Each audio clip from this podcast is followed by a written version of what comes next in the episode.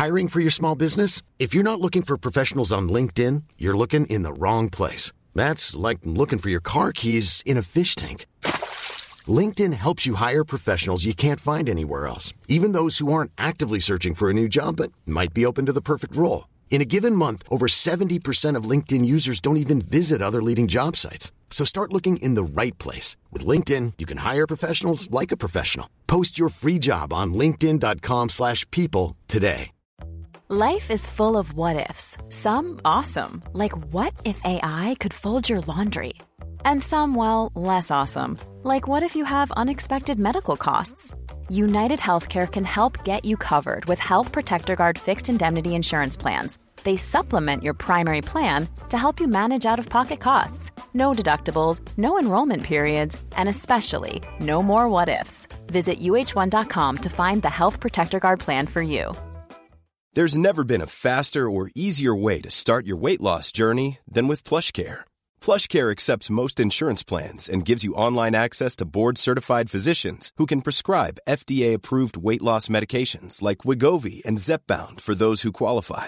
Take charge of your health and speak with a board-certified physician about a weight loss plan that's right for you. Get started today at plushcare.com slash weight loss. That's plushcare.com slash weight loss. plushcare.com slash weight loss. Bakom varje samtal av den här podden ligger flera timmars arbete och löpande kostnader. Podden kommer alltid att vara gratis för alla, men för den som vill finns möjligheten att donera pengar. Genom Patreon kan du på månadsbasis donera det du tycker att vi är värda. Du hittar vår sida på patreon.com samtal. För dig som kan och vill så går det även bra att swisha en donation på nummer 070-3522 472. Länkar och information hittar du på vår hemsida eller i poddens beskrivning.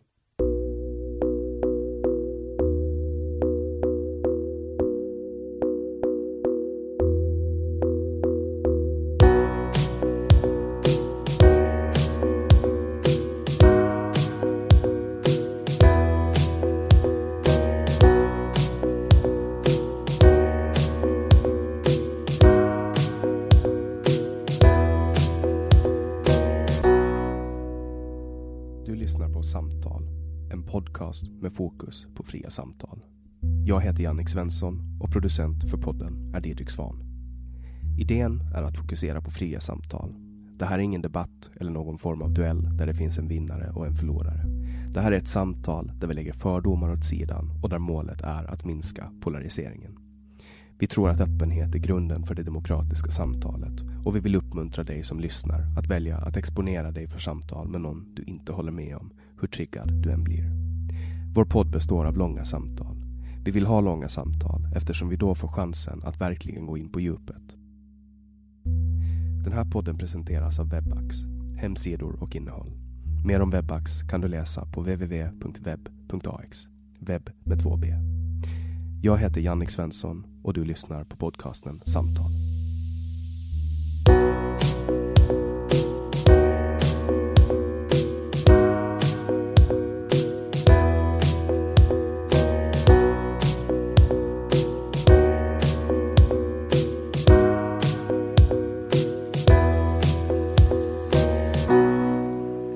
Martina Johansson är författare och civilingenjör som just nu doktorerar inom medicin med inriktning inflammation och metabol hälsa. Hon är en frontfigur inom biohacking-rörelsen. Hon har skrivit flera böcker om hormoner samt den kontroversiella högfettdieten LCHF. Välkommen hit Martina Johansson. Tack så mycket. När jag säger att, att, det, att den är kontroversiell den här högfettdieten, håller du med? Ja, det skulle jag väl säga för den har väl varit kontroversiell ett bra tag så man, ska ju, man borde ju kunna tycka att det blir mindre kontroversiellt men nu med tanke på att vi har så himla mycket veganvindar som blåser så är det väl fortfarande väldigt kontroversiellt. Kanske inte, så, inte längre att äta mycket fett utan mer att äta mycket animaliska produkter. Mm. Och Jag tycker ju jag, jag, tycker inte att det är något kontroversiellt, men det är för att jag har vant mig med, med den här dieten. Men det finns folk som bara gapar och tittar på mig med öppen mun när jag säger att jag äter 80% fett och 20% protein. Ja. Och många är så här, ja men hur kan du leva? så här, man dör ju om man inte får kolhydrater. Folk tror på riktigt att man dör om man inte får kolhydrater. Ja, jag har insett det. Jag är ju så inkörd i det nu. Jag har kört i tio år, så för mig är det ju helt normalt. Men även jag blir ju förvånad när, när folk tittar på mig helt chockerat och undrar vad jag håller på med och tror att jag försöker mörda mig själv. Men jag tycker ju liksom att proof is in the pudding, att jag menar, ser man bra ut och fungerar bra, jag är liksom över 35 och på liksom aldrig varit i så bra form som jag är nu, så uppenbarligen så är det ju någonting som fungerar för mig i alla fall. Mm. Och du kör, du kör 80% fett va? Yes. Och 20% protein och typ eller blir det kanske 18 procent och så glider ner två gram kolhydrater i misstag? Eller två... Ja. Någonting sånt. Jag försöker inte vara absolutist med grejer utan liksom, om jag någon dag skulle vara sugen på liksom en mörk öl eller lite chips och sådär så har jag inga problem att dra i mig det. Men 90 procent av tiden så är jag ju ganska strikt så, och då blir det oftast inga kolhydrater alls. Mm. Och du har också skrivit flera böcker om högfettighet. Det, det kallas ju keto. Från och med nu så, så kan vi ju hålla oss till keto, för det är det som är det nya inneordet. Förut var det ju Atkins och sen var det LCHF och nu det finns säkert 10 000 namn till, men keto är det man säger nu. Nu är det keto som är trendigast, ja. Hur många böcker har du skrivit om ketogenkost? Om just ketogenkost specifikt så är det fyra böcker som jag skrivit. Och sen har du skrivit böcker om hormoner också. Mm, mycket om hormonell hälsa, jag har skrivit lite om träning, jag har skrivit om inflammation. Så det är 14 böcker totalt sett som jag har skrivit. 14 böcker, när började du skriva böcker? Hur gammal var du? Eh, ja, jag var väl, vad kan jag ha varit? Jag måste ha varit 29 tror jag. Så det var sex år sedan. Så du har skrivit 14 böcker på sex år? Ja, jag är en av de mer produktiva författarna. Jag kan liksom inte riktigt låta bli att skriva. Det är lite tvångsmässigt nästan. Ja, det, det låter, det är, ju, det är ju två böcker i år liksom. Men... Ja, absolut. Och det har jag hållit stadigt. Och, eh, ja, det är bara, jag tycker liksom att jag har så mycket att säga hela tiden och jag bloggar ju frekvent och sånt där, men det räcker liksom inte riktigt till. Så ibland så behöver jag bli mer långrandig och då blir det liksom en bok av det istället. Mm. Det, är så här, det, blir, det börjar med ett blogginlägg och sen blir det en bok istället. Precis, precis. Ger du ut eh, alla böcker på samma förlag? Nej, det har jag inte riktigt gjort. Och det är många som frågar om det, varför, varför man inte håller sig till ett och samma förlag och sådär. Men det är ju faktiskt så att olika förlag har ju olika inriktning på vad de är bäst på. Vissa förlag är ju väldigt duktiga på formgivning och är jätteduktiga på att få en bok att se snygg ut. Och det är ju aktuellt om man gör en kokbok till exempel. Men sen de flesta av mina böcker är ju bara massa, massa text och då passar kanske ett annat förlag bättre för det. Så att man får liksom känna av lite med de olika förlagen vilka som har bäst kompetens att ge ut just den typen av bok som man vill ge ut. Så därför så har jag, är jag publicerad på, på Bonnier, på Pagina, på Tukan, på Blad by Blad eh, och så vidare. För att alla har sin stil liksom. Och du, är, du har en ganska lång akademisk bakgrund också. Du är utbildad civilingenjör. Yes. Och nu håller du på att doktorera i medicin. Mm, det stämmer. Ja, mm. eh, jag pluggade eh, till civilingenjör inom bioteknik, eh, började plugga 2005 och efter examen så hade jag ju tänkt att jag skulle forska. Jag var väldigt intresserad av forskning men jag har pluggat på Chalmers då och det är ju, allting är ju väldigt tekniskt inriktat som civilingenjör. Det, har hela, det är hela tiden en bas av teknik och jag har alltid varit mer intresserad av människor och ja, liksom humanbiologi, biokemi, metabolism och sådana saker. Och det har liksom inte funnits så mycket möjligheter inom tekniken att få forska så som jag vill. Så därför så, efter att ha skrivit en massa, bloggat och skrivit böcker och sådär i typ tio år, så liksom nådde jag en punkt där jag hade själv utbildat mig till den nivån att jag kunde börja doktorera eller börja forska då. Så att jag liksom fick en, kunde få en doktorandtjänst på Linköpings universitet inom medicin, inriktning eh, inflammation och metabol hälsa, som är det jag har skrivit om hela tiden i princip.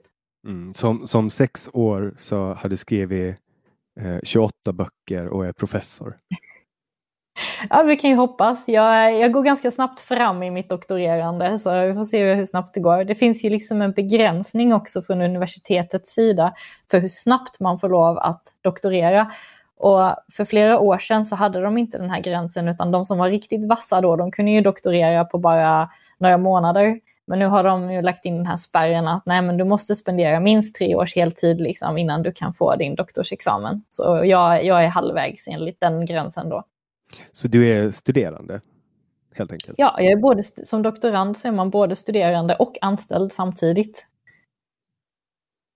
Och, och så skriver du böcker och så har du ett företag på sidan? Yes. Det, det, kän, det känns ju, alltså det känns ju som någonting som man behöver gå på en eh, ketogenkost för att kunna genomföra. Ja, jag tycker det. Man behöver hålla hjärnan skarp och man behöver vara väldigt noga med sin livsstil för att orka liksom och inte bränna ut sig. Och sådär. Men, men min professor han har aldrig varit orolig för att jag ska bränna ut mig för vi har lite samma personlighetstyp och sådär och han vet liksom hur, hur det är att man jobbar, man jobbar inte för någon annan utan man jobbar för sig själv. Och jobbar man för sig själv så har man liksom ett helt annat mindset i det. Och även om det är väldigt mycket att göra så är det liksom inte stressande på samma sätt som om man känner att kraven kommer utifrån. Utan man har liksom alltid mer krav på sig själv inifrån än vad någon annan någonsin kan ha utifrån. Så man känner alltid att man själv har makten och kontrollen. Liksom. Mm. Har du alltid varit en, en high achiever? Ja, det skulle jag säga. Eh, men jag klarade inte av att vara så mycket av en high achiever när jag var student på Chalmers och sånt för att jag mådde lite för dåligt mentalt och fysiskt. Men det har liksom, mitt, min prestation har ju liksom ökat och fortsätter att öka ju bättre jag tar hand om mig själv. Så där finns ju en väldigt stark korrelation. Fanns det en tid när du, när du inte tog hand om dig? Ja, definitivt, men det var aldrig med mening, för det var, det, ingen vill ju liksom missköta sig själv egentligen, utan man missköter ju sig själv för att man liksom inte förstår bättre. Eller att man följer och, myndigheternas råd. Ja, lite så. Kanske att man inte riktigt vet vad man ska tro på när man, man försöker läsa på och tänka att ah, ja, men jag kanske ska försöka äta mindre kött och inte äta så mycket fett och, och sådär. Och, och så inser man sen liksom nu då, tio år senare, att oj, aha, det var ju där all näring fanns. Och det var det jag undvek. Liksom. Plus då massa fibrer och sådär som ska vara nyttigt, men som kanske i själva verket kan vara extremt irriterande för tarmarna och driva på IBS och inflammatoriska tarmtillstånd. Gud ja, alltså jag har, jag har ju upplevt allting first hand. Alltså när det kommer till, när det kommer till Jag gick ner, eh, jag gick ner för jag glömmer alltid bort hur det är. Jag gick ner från 124 till 74, det är 50 kilo. Ja. Um, och, och, det gjorde jag på, på ketogenkost. Um, och sen liksom kablade jag över från keto. Jag försökte med massa olika dieter. Alltså, men när, man, när jag väl, ja, det tog mig kanske två, tre år att fatta att jag måste vara liksom, jag kan inte ha kolhydrater överhuvudtaget. För att det händer mm. någonting när de kommer in i min kropp och så bara mm. går jag upp i vikt igen. Uh, och då var jag så här, jag bodde i Sverige och man ville ju följa med hälsotrenderna och det är väldigt svårt att bo och jobba i Stockholm och inte hamna på, på någon 260 kronors eh, veganlunchhak när man följer med sina kollegor. Så jag ja. hakar på vegantrenden. Och jag har aldrig mått så dåligt i hela mitt liv. Alltså jag kände mig som en 75-årig gubbe med, med IBS och tarmcancer. Alltså jag ja. satt på toaletten och grät dagligen. Alltså ja. det var, jag har aldrig varit med om något värre och så slutade det med att jag fick åka till sjukhuset. Och de bara, så här, ja, men vad, vad, det än du, vad det än du äter, alltså lägg om din diet. så här, lägg, om, lägg om den. Och så sa jag, ja, men jag är vegan. Och då sa de att, jaha. Eh, men, och så ville de utreda min mage. Men sen hoppade jag över till, till eh, alltså från raka motsatsen till bara eh, kött och animalfett. Ja. Och, och då bara upphörde alla problem. Ja, det är ganska fantastiskt. Ja, det, det är liksom, och det är så här, i början så kändes det ju verkligen för att folk, alltså, det kändes ju som att jag satt och åt cigaretter. Alltså, mm. För att så mycket har, har, man liksom hållit på att lobba om att kött är farligt. Mm. Uh, och så testar jag äta det och då, då får man ju känna själv liksom, vad, vad vill man göra med kroppen. Mm. Vill, man må dåligt och, och, och äta dyr veganmat som är ekologiskt odlad eller vill man mår bra att äta kött. Så är det jag ser Mm. i alla fall. Mm. Och jag utgår ifrån att det är så du ser det också. Eller? Ja, absolut. Hur insåg du att, att ketogenkost var någonting som, som funkar för dig? Alltså jag insåg ju det högst motvilligt för att jag mådde så himla dåligt och jag hade råkade ha en professor på Chalmers då jag läste en kurs i biokemisk miljövetenskap. Och den här professorn han, han pratade om att det fanns inflammatoriska livsmedel eller att det fanns att kosten då till exempel socker och sådana saker kunde påverka hälsan väldigt negativt. Och just då när jag var vegetarian, jag tror jag till och med hade blivit vegan, så käkade jag ju väldigt mycket socker och jag trodde, jag har aldrig haft några viktproblem eller någonting sånt. Alltid varit väldigt, väldigt smal och då tänker man ju lätt att nej, men jag, jag behöver inte ta hänsyn egentligen till någonting för jag är ju så smal så att jag tål att äta vad, vad som helst. Men så är det ju inte riktigt utan det kan ju yttra sig på så många andra sätt. Men efter att jag hade insett då via den här professorn att ah, okej, okay, socker kanske det kanske, det kanske inte är så himla bra och jag hade börjat läsa på. Och det, det fanns inte så mycket information på internet då, men jag lyckades ändå hitta till LCHF och förstod att okej, okay, jag, om jag kan ta bort kolhydraterna och så, ska, och så ska jag ersätta det då med fett. Och det var ju väldigt obehaglig tanke, för precis som du säger, det känns som att liksom nästan att man sitter och äter cigaretter. För det är så bara, men jag kan inte, jag, jag var helt livrädd första gången jag tog min första sked majonnäs. Och jag tänkte liksom, nej men nu dör jag liksom. Jag dör. Det här, det här, det här är så livsfarligt liksom.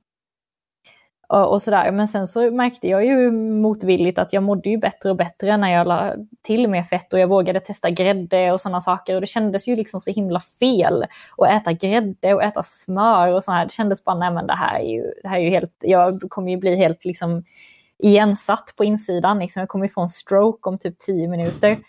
Men eh, ja, nej, det, det gick ju bra och jag insåg också liksom att trots att jag var så himla smal som jag var så gick jag ju till och med lite, ner lite grann. Men jag gick, inte, jag gick ner i, i fett då, för jag hade ju ganska hög fettprocent trots att jag var väldigt smal. Så att liksom min kroppskomposition blev bättre. Jag fick liksom en snyggare kropp utan att jag ens hade börjat träna. Så det fick mig då, min, min fåfänga sida fick mig då bara, ah, okej, okay, jag ska nog ge det här en chans ändå. Och sen kom ju liksom hälsoeffekterna på köpet. Jag tror ju att det finns ett ganska stort eh, lingvistiskt fundamentalt problem i att kalla fett som man har på magen för fett och det man äter för fett. Båda är ju fett, men man mm -hmm. blir ju inte fet av att äta fett. Nej. Det är ju det som är, det är, det som är grejen när, alltså för att jag stöter ju på, jag, varje gång jag ska äta ute så är det så här, jag plockar bort, börjar med att klippa alla grönsaker, alla såser, mm. potatis och sen är det bara så här, och de bara, alltså, du vill bara ha kött? Och så säger jag, ja, jag vill bara ha mm. kött. Ingen sås? Mm. Nej, ingen sås. Inga pommes frites? Nej, inga pommes frites. In, ingen sallad? Nej, ingen sallad. Men gärna lite smör på. Eller mycket ja. smör. Ja. Och, och, då är de så här, alltså du vet, deras reaktioner, det är som att de det, det är jättekonstigt. Men och då är folk så här, många som jag hamnar i diskussioner med är så här, ah, men nu, då, om man äter mycket fett då blir man tjock liksom. Och så köper mm, de mm. fettsnåla produkter. Och jag tänker att vi, vi kan inviga läsarna. Jag vet att, att jag har, läsarna, lyssnarna. Jag vet att jag har eh, ett antal lyssnare som är väldigt intresserade av, av det här med ketogenkost. Mm. Och, um, jag tänker att vi, vi drar igenom det helt från grunden, så du får rätta mig om jag har fel. Jag ska försöka beskriva det på ett så enkelt mm. och pedagogiskt sätt som möjligt så, och så får du ta vid sen. För jag tror att ja, två, två förklaringar. okay, så när, när man, en, en kropp drivs av antingen glukos eller eh, alltså det finns två primära källor, två källor som, som en kropp kan drivas av. Och den ena är glukos i form av blodglukos och den andra är betahydroxybutyrat. Och när man slutar, att när man äter kolhydrater så bryts det ner och så blir det socker och så drivs musklerna av socker. Och om man slutar äta kolhydrater helt plötsligt, då går kroppen in i förbränningsmode och då börjar den omvandla fett från fettreserverna till betahydroxybutyrat, acetoseat, heter det så? Acetoseat. Acetoacetat. Acetoacetat och aceton. Varav Betahydroxybutyrat är den energikälla som ersätter glukos i kroppen. Alltså får hjärnan energi från beta-ketoner kan vi kalla det istället. Eh, istället för glukos. Och därför har man i princip en, en, en, man går runt med sina fettvalkar och där finns det energi. Och om man blir hungrig så kan man ta lite MCT-olja, alltså kokosolja eller whatever, eh, äta lite bacon. Och då, mm. och då bränns det och, och därför så får man helt enkelt, där får man sin energi ifrån. Yes. Var, det, var det en, en kan, kan, och, nu får du förklara det ur ditt perspektiv. Som, som kanske...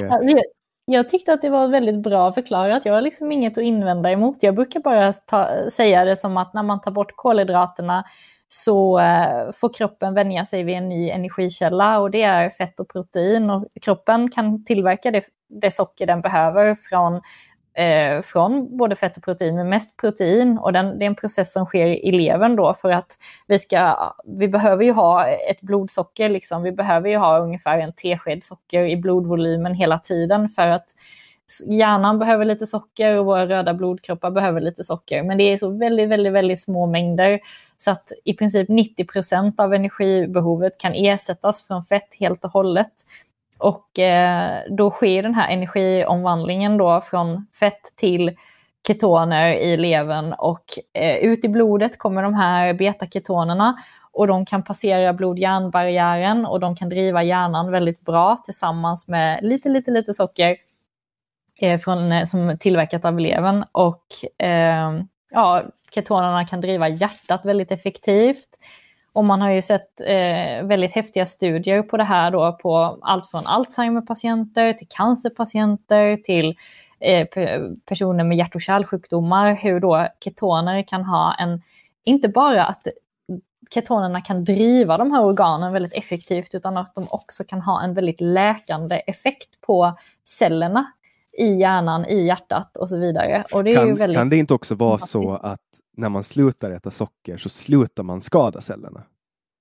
Det också, men jag tror också att det verkar som att ketonerna i sig har en viss eh, läkande effekt. Mm. För, för man får, ofta så, så möter jag det här att folk, folk säger att, alltså, nu tror ju folk på riktigt att, att, att, um, att fett är, är farligt. Mm. Att det, det är liksom det är det man, och sen, sen många gånger så biter det inte att, att börja ta upp och diskutera forskning med folk för att folk är så här. Nej, de sätter på skygglapparna. Jag vill inte. Vi, vi, det, det, är inte så som du säger. Kött är farligt, fett är farligt. Man blir tjock av fett. Yeah. Men om vi kollar yes. på vetenskapen. Vad säger vetenskapen om fett? Dör man om man äter fett? Alltså vetenskapen är väl ganska enig nu om att fett är väldigt neutralt för kroppen. Eh, men att det finns, det är skillnad på fett och fett. Och um, det börjar komma mer och mer forskning om att just vegetabiliskt fett kanske inte alls är så bra som man har trott innan, utan att det kan vara väldigt rikt på inflammationsskapande omega-6-fettsyror. Även olivolja är inte riktigt så oskyldigt som man trodde innan, innehåller väldigt mycket omega-9. Eh, och det fettet som vi har i våra kroppar, som våra celler vill ha, och så är det fettet som vi får från djur när vi äter ister, talg, smör och sådana saker. Och det är det som verkar funkar väldigt bra i våra kroppar.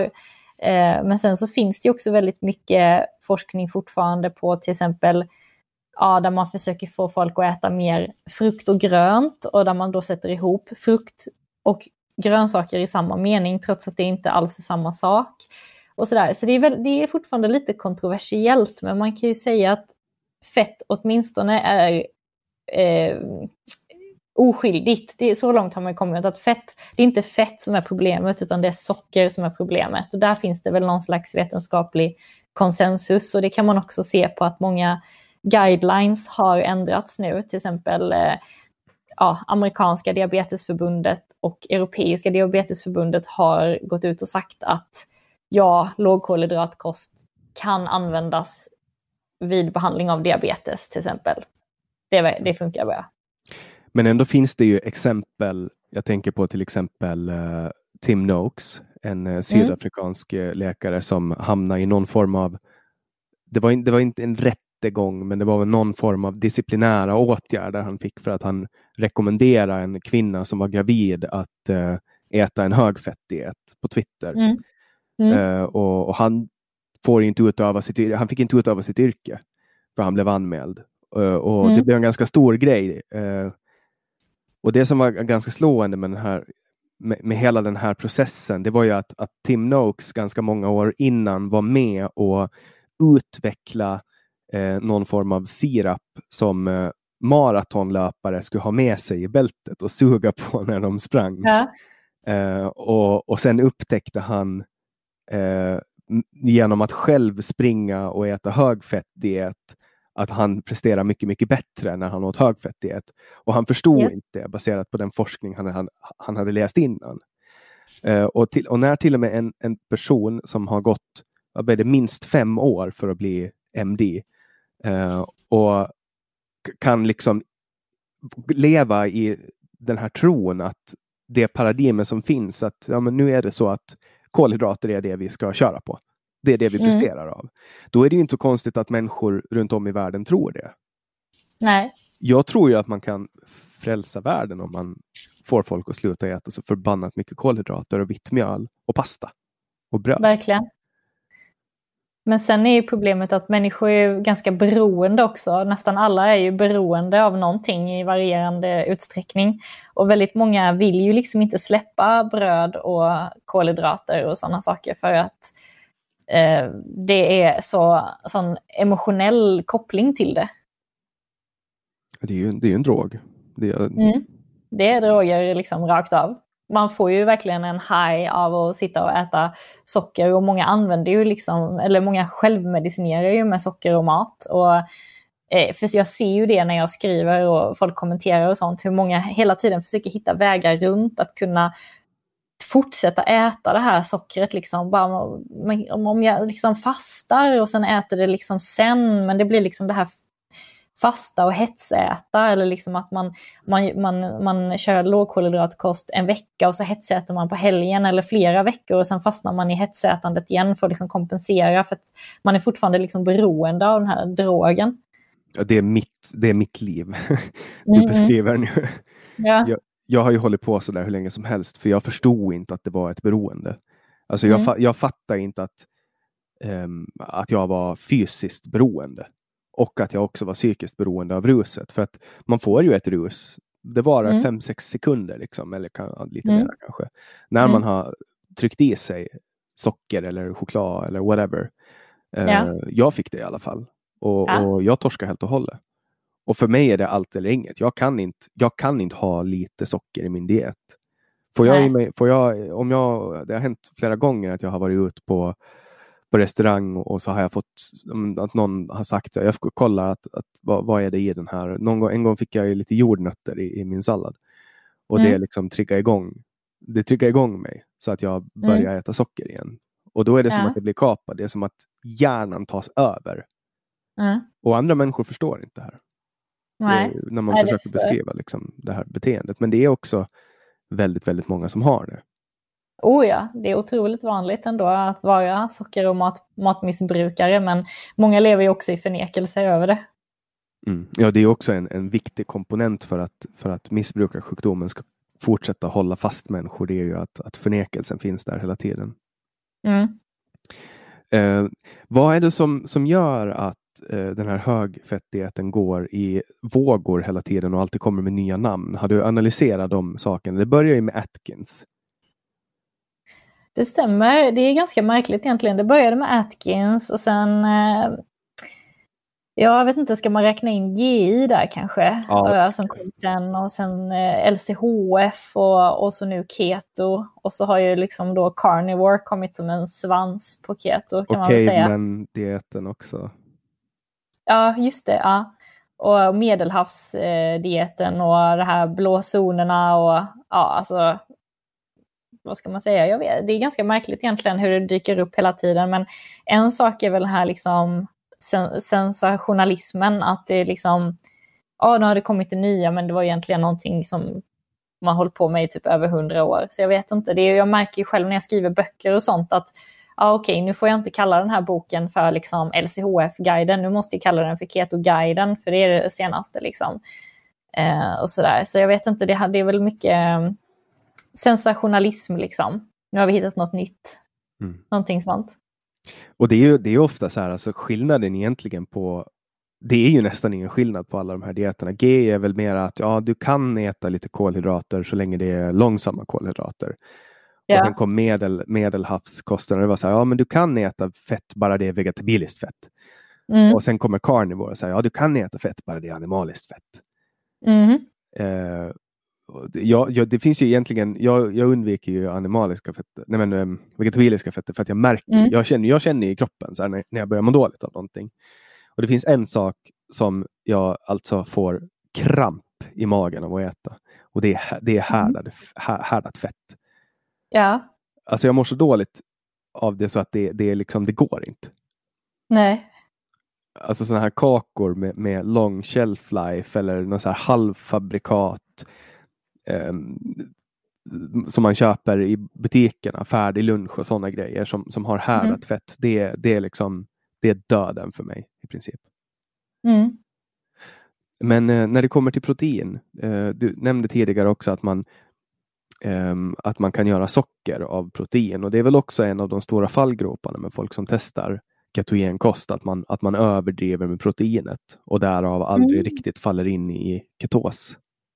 Ja, jag märker att det är väldigt vanligt för kvinnor framförallt som fortfarande har en stor rädsla för att äta för mycket fett, att det blir väldigt mycket magert protein. Man petar i sig liksom lite tonfisk och kyckling och lite så magra eh, magra köttdetaljer och sådär och kanske mycket mejerier, liksom kvarg och sådär. Så det är fortfarande väldigt fettsnålt och det blir och ost och sådär också. Så det blir liksom väldigt mycket protein och inte så mycket fett och det gör liksom att kroppen har liksom ett överskott på kolhydrater i alla fall. För den kan ju liksom, levern går igång på det här och börjar tillverka socker som påverkar blodsockret och gör att det behövs inga ketoner, så kroppen skiter ju i att tillverka ketoner om den inte behöver, för det är en ganska energikrävande process. Mm. Och det är väl kanske den största fallgropen med, för, för de som testar den här. För att grejen, grejen med den här dieten är att man, jag tror inte att, att alltså man måste vara psykopat om man går ner 15 kilo på ketogen diet och inte försöker gå runt och frälsa folk. Ja. det, det är ju det som händer, alltså folk blir fettfrälsta och så bara går de runt med så här bibliska ögon och pratar om, om, om fett och folk blir så här, tror att man har gått med i scientologerna eller något sånt. Det är lite så. Det var, ju, det var därför jag började blogga också för över tio år sedan nu. För att jag, jag blev ju så chockerad över att jag, att, jag menar jag hade ju gått och mått dåligt i så många år och kände liksom att jag mådde dåligt psykiskt, jag mådde dåligt fysiskt. Och jag, jag, jag orkade liksom inte träna, jag orkade inte springa till bussen, jag orkade liksom knappt bära hem kassarna från affären. Och liksom, så ändrade jag kosten och så blev jag som en helt annan människa. Jag, liksom, jag minns att jag tänkte att men jag är 25 år, ska jag vara så här trött hela tiden? Jag orkar ingenting. Eller, eh, liksom, jag hade, till slut hade jag gett upp och tänkte att ah, ja, men det är väl så det är. Liksom. Vissa människor kanske bara är så här. Men sen efter jag hade lagt om kosten och, och liksom fått upp energinivåerna och börjat gymma och börjat gå ut och springa och liksom grejer som var helt out of character för mig. Liksom, då vill jag ju förmedla det. Liksom bara, Hallå, det här är ju helt otroligt. Vad, vad händer liksom? Och då, det var ju så jag började skriva om det liksom. Och bara var helt frälst. Och bara, men det här är ju, hur kan jag ha missat det här hela mitt liv? Mm. Alltså det är ju som att, att, att uppleva ketos eh, första gången. Det är ju som att man helt plötsligt upptäcker, du vet de här pillerna som, som de har i Incept, nej vad heter den? Um, Limitless. I Matrix. Ja, limitless. Ja. Och det är så en superdrog som de bara tar. Så inga biverkningar i början. Man blir bara bättre. Man har en bättre koncentration. Man, är liksom, man orkar mer. Man sover bättre. Allting blir bättre förutom andedräkten som blir sämre. Och Det är typ det. det, är det.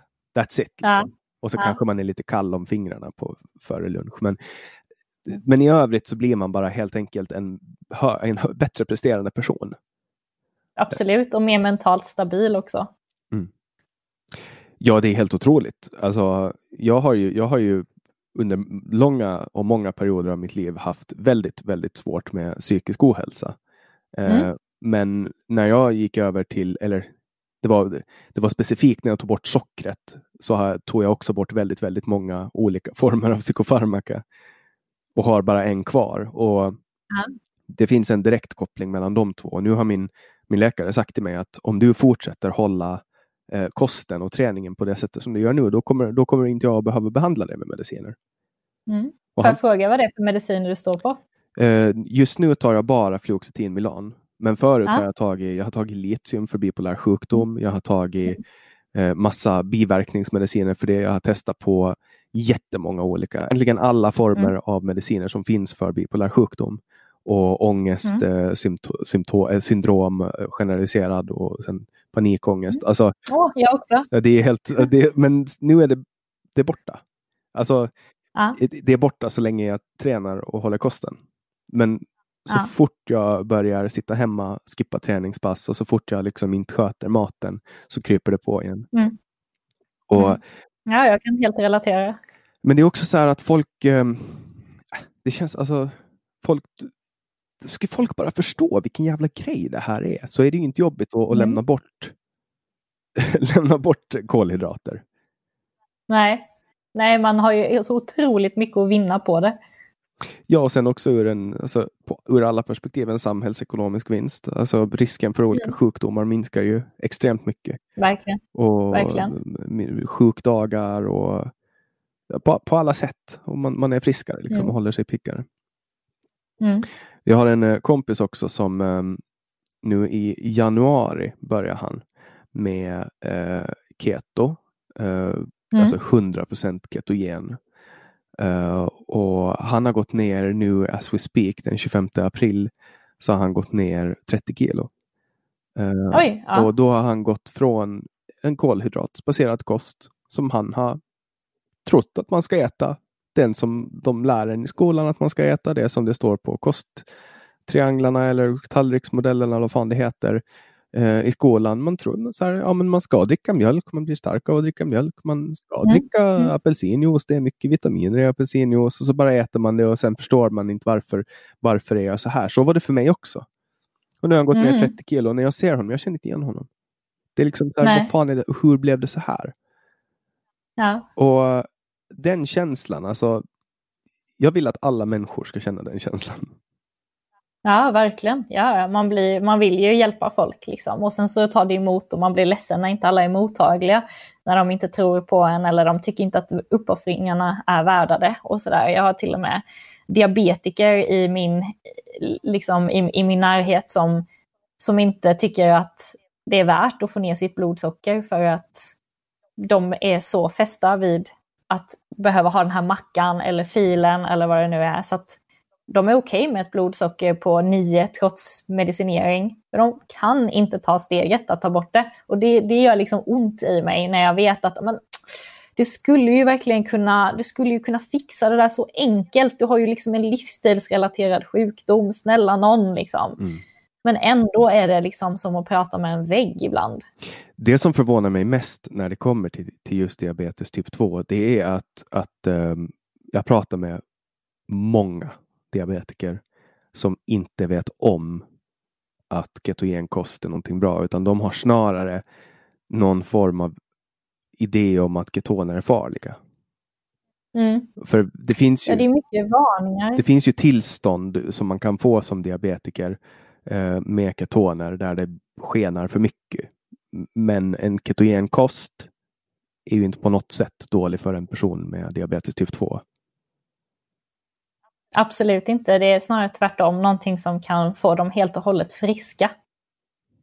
Och det är ju extremt kontroversiellt att säga så för att det finns ju, det finns ju läkare och folk som skulle gå i taket. Jag vet en specifik svensk bloggare som skulle bli helt skogstokig om han hörde dig säga det. Han, han, han, älskar för övrigt att häckla folk som uh, håller på med uh, keto och, och kallar, det för, ja, oh ja. kallar det för sekt och sådana grejer. Ja, ja, ja. och, och det, det, tycker jag är lite tråkigt. Men, men det där är, jag tänker ofta på det för att um, Andreas Enfeldt skrev ju i början på sin bok uh, Kost kostrevolutionen. Ja, kostrevolution. Det finns så många olika revolutioner. Sen finns ju hälsorevolutionen också. Men kostrevolutionen så skriver Andreas Enfeldt. Han jämför alltså eh, det här paradigmskiftet med att man under väldigt lång tid, alltså flera årtionden höll på med åderlåtning. Alltså att man tömde mm. människor på blod under förkylningar för att man trodde att det var någonting som funkar. men trots att det kom läkare som sa att ni måste sluta åderlåta. Det är livsfarligt. Folk dör av det.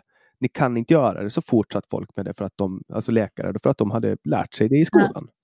Ja. Uh, och att nu, nu står vi inför ett sådant paradigmskifte. Att det, det finns forskning och vetenskap som säger att det här funkar. Det finns oerhört många vittnesmål som säger att det här funkar. Uh, och sen finns det de, de som bara, nej men ni ska leva på broccoli och, och mungobönor. Mm. Liksom. Mm. Jag, det, det, jag känner inga, de, de, nej, nu, nu generaliserar jag, men jag skulle säga att vegetarianer ofta är lata. Ja, det kan jag inte hålla med om. Jag tycker att det finns en hel del vegetarianer och veganer som är otroligt ihärdiga på att försöka få sin kost att gå ihop och som är nästan maniska i det. Då är det så jävla skönt att ha med sig lite MCT-olja. Alltså det, är, det, är det, det, lättaste som finns är att, att vara på ketodiet och äta mellanmål. Man tar en sked kokosolja och sen har man liksom bränsle för hur länge som helst. Men någon som äter kolhydrater måste bolla i sig riskakor i mängder. Liksom. Ah, ja, jo. Det, det känns lite segt. Jag är ju aldrig orolig. Liksom. Jag kan vara ute hur länge som helst och vara ute och promenera eller träna och sånt. Jag, jag tänker liksom inte oj, tänk om jag blir hungrig nu, vad ska jag göra då? Liksom. Nej, det, det, det spelar ingen roll. Oj, jag åt för ett dygn sedan. Jaha, ja. Okej, okay, kanske dags att äta då. Jag är liksom helt tappat. Liksom, min kropp är så van vid att okej, okay, det finns energi. Liksom. Den har sina ketoner, den har sitt kroppsfett. Och liksom, även fast jag har väldigt låg fettprocent så har jag ju ändå liksom minst 60 000 kalorier i energireserven som den kan tuffa på på. Mm. Och där är det ju också, alltså om man, och det kan man göra och man kan titta på bilder eller så kan man göra det för sig själv. Man lägger upp um, ett kilo mat, ett kilo mat, så, ja, ett kilo mat i kolhydrater. Mm. Nej, nej, nej, mm. 100, förlåt, 1000 kalorier i kolhydrater, mm. 1000 kalorier i protein och 1000 kalorier i fett. Då får man en jätteliten ja. tallrik med fett för att på varje gram fett ja. så finns det 9 kalorier. Medan det är, vad är det, 6 eller 7 på varje gram protein och kolhydrater. Fyra. Fyra, åh oh, shit det är fyra. Ja. Så man måste ju äta. Så det är mer än dubbelt fett. Ja, och det är så här.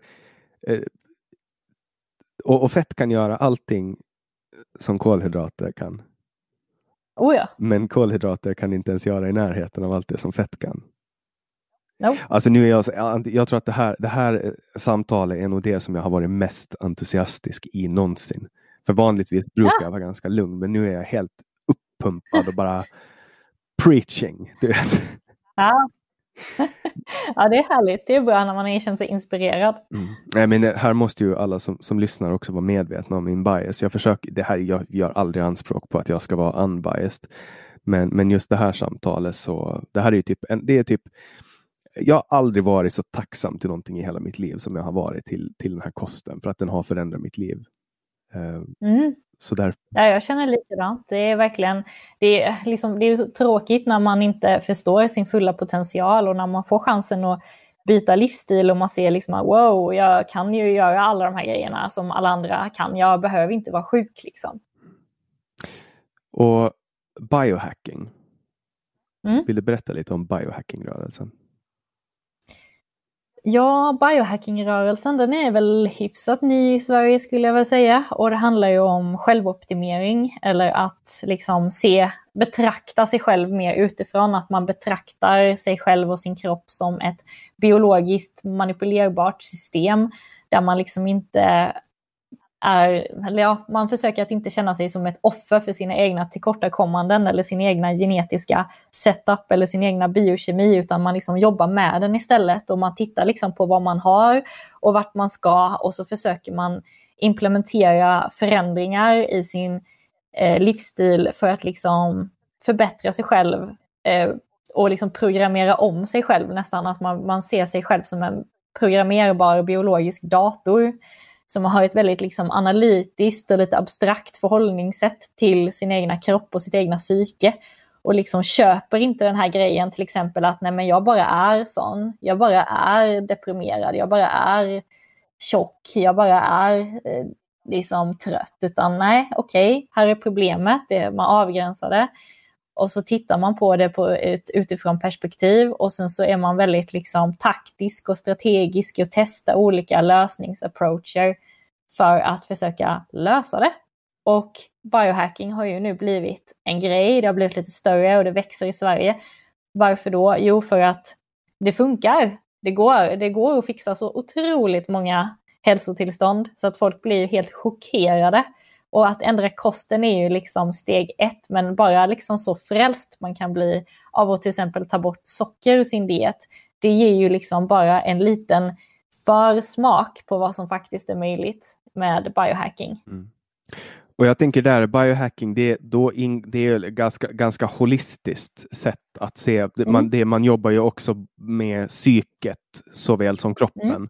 Och då tänker jag att, att, det bästa exemplet, eller ett av de första eh, exemplen på, på biohacking, det var när det klassiska exemplet när Roger Bannister, var det någon gång på 50-talet, gjorde The Four Minute Mile. Um, mm. Alla människor sa att det är helt omöjligt. Uh, det går inte att uh, springa en mile, vad nu det är i kilometer, på, på fyra minuter. Det, det, det, går inte, det är omöjligt. Om man gör det så kommer hjärtat att explodera. Uh, och sen så, och ingen hade någonsin gjort det och helt plötsligt så, så sprang Roger Bannister den här sträckan på den här tiden och sen bara rasade in folk efteråt som gjorde det för att de visste mm. att det var möjligt. Att man hade liksom expanderat det här kollektiva medvetandet. Så att mm. biohacking, det ingår, om jag förstår det, en, en viss del av också mental coaching såväl som, eh, som fysisk och ändra kost och hela den biten. Alltså att man jobbar på flera olika plan. Mm. Det är inte bara som medicinkonsten att ta de här pillerna så kommer, kommer du att börja må bättre.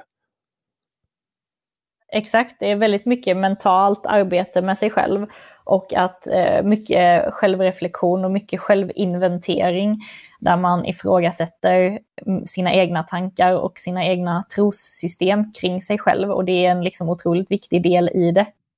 Mm. Att bryta identifikationen med sig själv som sjuk eller med sig själv som tjock eller med sig själv som vad det nu är för problem man har. Hur, hur kom du i kontakt med, med den här rörelsen? Ja, det var väl faktiskt, det var väl efter ett par, ett par år in av ketogenkost så upptäckte jag väl eh, Dave Asprey som är eh, ja, den mest, han är väl biohackingens fader kallar han sig själv eller biohackingens morfar kanske numera. Ehm, eh, han han kom ju på det här Bulletproof Coffee där man mixar kaffe med smör och kokosolja eller smör och MCT-olja och att det då skulle vara en, en ersättare till frukost för att boosta sina ketoner och, och, och sådana grejer. Och han hade väldigt mycket andra idéer och jag följde honom ett tag och via honom så hittade jag en hel del andra intressanta idéer och såg att det fanns ju liksom en hel värld av grejer man kunde göra, inte bara vara ketogen eller vara i ketos, utan det fanns ju liksom massa teknisk utrustning och man kan mäta grejer och det fanns mer saker man kunde utforska.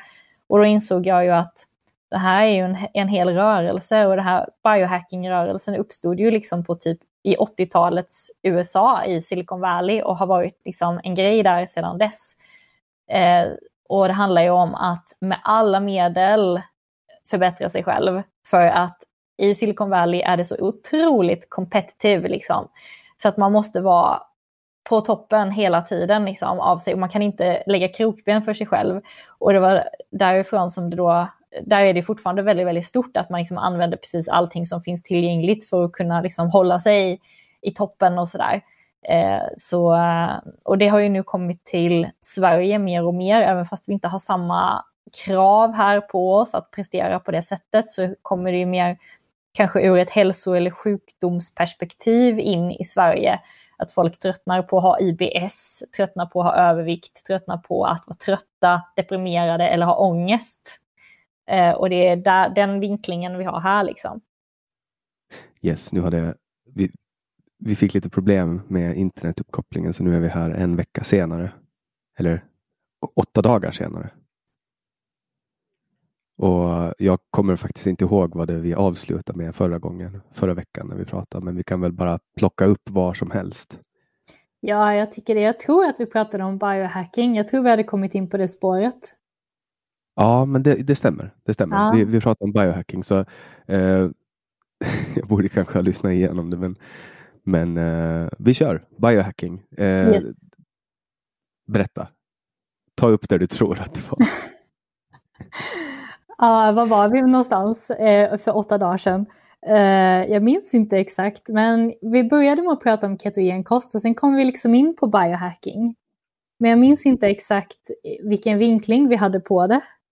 Jag tror att jag, jag, tror att jag konstaterade att du var en eh, frontfigur för den svenska biohackerrörelsen. Eh, och så försökte jag bygga en förståelse för vad, vad konceptet biohacking innebär. Det är mycket möjligt. Ja, jag minns att du hade bra frågor så där som du ställde. Vi kör! Vi kör, ja. Var ska jag ta vid någonstans? Var, varför man vill Eh. vara en biohacker?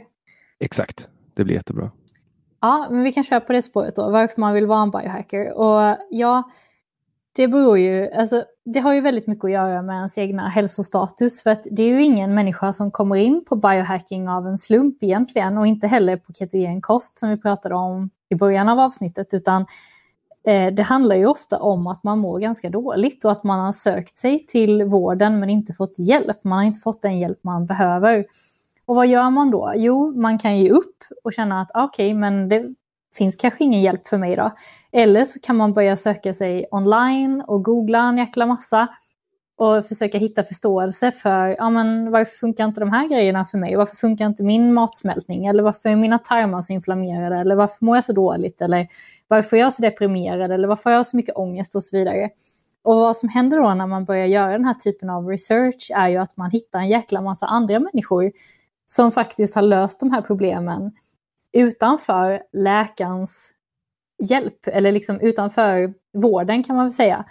Så att man hittar en jäkla massa andra människor då som har sökt sig eh, utanför den konventionella vården och faktiskt lyckats lösa sina problem. Så man får då upp hoppet om att aha, okej, okay, jag kanske inte behöver stå ut med de här tillstånden. Det kanske finns någonting jag kan göra. Ja, men där var ju en person som hade testat en annan diet och ja, men där var en person som hade testat lite tillskott. Eller, så man börjar liksom förstå att hmm, okej, okay, det finns kanske någonting jag kan göra själv.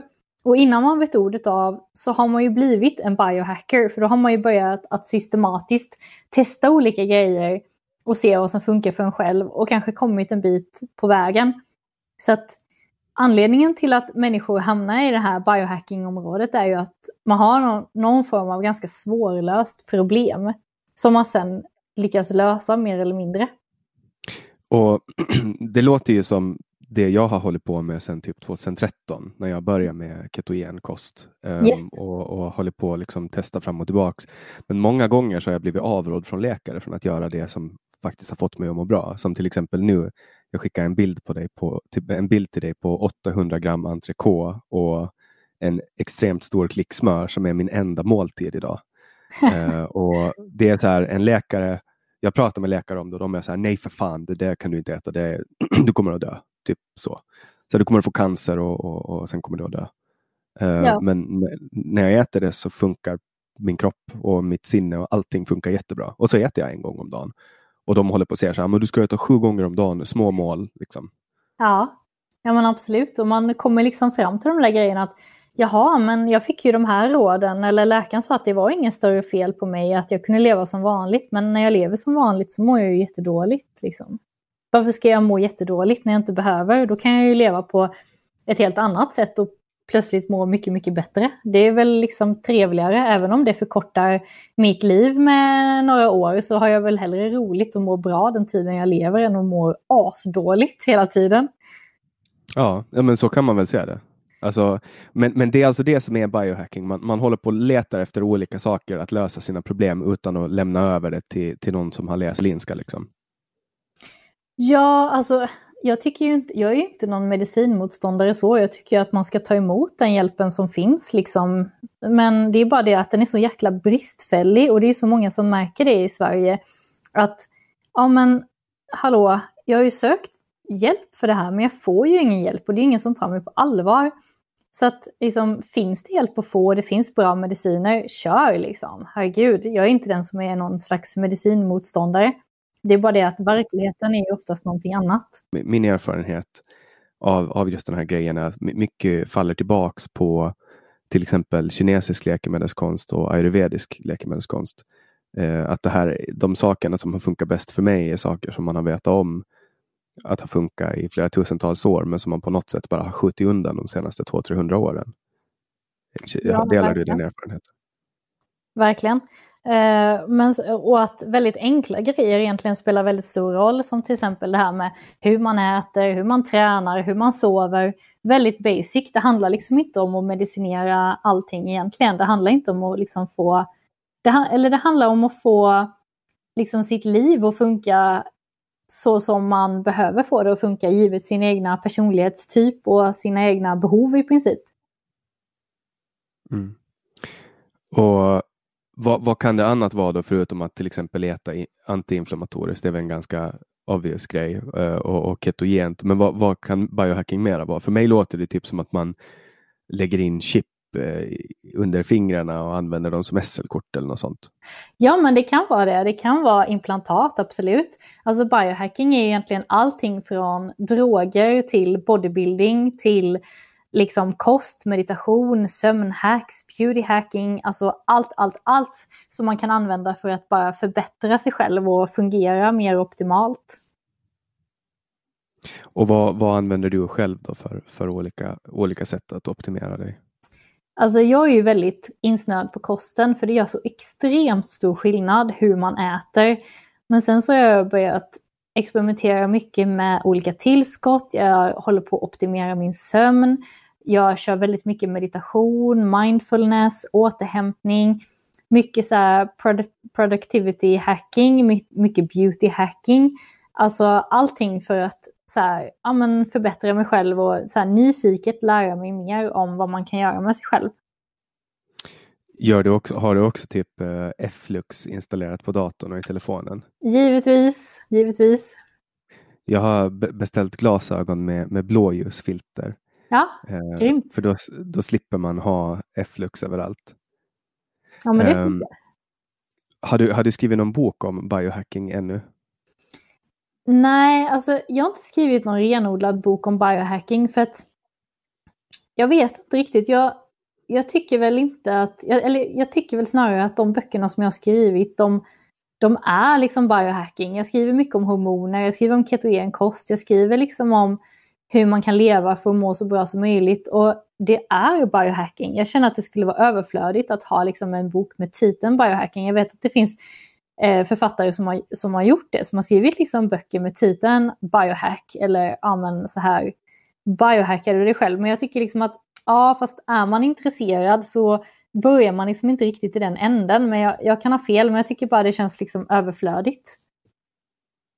Finns det någon form av community kring eh, biohacking som du typ har vuxit ett community kring ketogen kost i Sverige? Jo, men det har det, men det är inte lika intensivt i Sverige som det är i andra länder. Jag menar som jag har föreläst en del i Berlin och sånt, för de har ett väldigt starkt biohacking community och där har jag pratat lite om nootropics och neurohacking och sånt. Men ingen, det finns inte så många biohackers som det finns i Silicon Valley i USA. Där är de liksom absolut flest. Och liksom, biohacking är fortfarande lite sådär suspekt och konstigt i Sverige och så. Man vet inte riktigt vad det är. Eh, så att jag är ju den som pratar om det mest liksom, på sociala medier och sånt. Och det finns liksom inte så mycket information och det kan vara liksom lite så här svårgreppbart fortfarande vad det är. Liksom. Okej, men vad innebär det och vad, vad ska man göra exakt och sånt. Så det, det finns inte sånt tydligt community i Sverige för biohacking som det har gjort för LCHF eller ketogenkost där det är liksom väldigt utstakat vad det handlar om och liksom, det finns träffar och allt möjligt. Inte riktigt lika mycket för biohacking. Och Sen finns det också mycket, mycket människor inom de här olika kretsarna som håller på och säljer Snake Oil. Verkligen. Och håller, håller på med olika claim som att göra det här så kommer det att vi läste nu i tidningen nyligen om en, om en uh, svensk kvinna som uh, håller på i, ungefär de här grejerna också som påstår att man kunna äta en viss grej och det kunna hjälpa ens immunförsvar. Okej. Okay. Uh, och, och som då fick problem med falsk marknadsföring då för att man, man får inte säga vad som helst om, om vad som helst. hur, hur, hur märker du att det här på något sätt undergräver förtroendet för, för det du gör? För att det du gör är väl strikt vetenskapligt hela vägen igenom? Nej, det skulle jag inte påstå att det är. Jag är ju väldigt experimentell och sånt. Jag menar, visst, jag är doktorand och sådär och jag forskar själv och när jag skriver mina vetenskapliga artiklar så jag, måste jag ju vara super, super noga. Men i min vardag och liksom när jag bloggar och sånt så är jag inte så strikt vetenskaplig utan då går jag mycket på känsla och funderar, ja men vad kan det här betyda och vad kan jag, kan jag applicera det här och sådär. Då bryr jag mig inte så jättemycket liksom. Men, jag är men det är väldigt... inte så att du tillskriver, tillskriver dina framsteg den heliga anden? Nej, men alltså, jag är ju väldigt försiktig och sådär när jag ger råd. För jag menar, jag vet ju att folk kan ta det väldigt bokstavligt och sånt. Så jag har ju fullt med disclaimers på min blogg och jag har, ibland har jag väldigt mycket disclaimers på inlägg. Att liksom, var försiktig, det här är vad som funkade för mig. Ta det lugnt, det här betyder liksom inte att det är så, men det här är mina hypoteser och sådär. Så att jag, jag, ut, jag har via mitt doktorerande lärt mig att uttrycka mig liksom lite mer ödmjukt och sådär. Så att jag berättar liksom att nej, jag vet inte allting, men nu tänker jag lite högt här.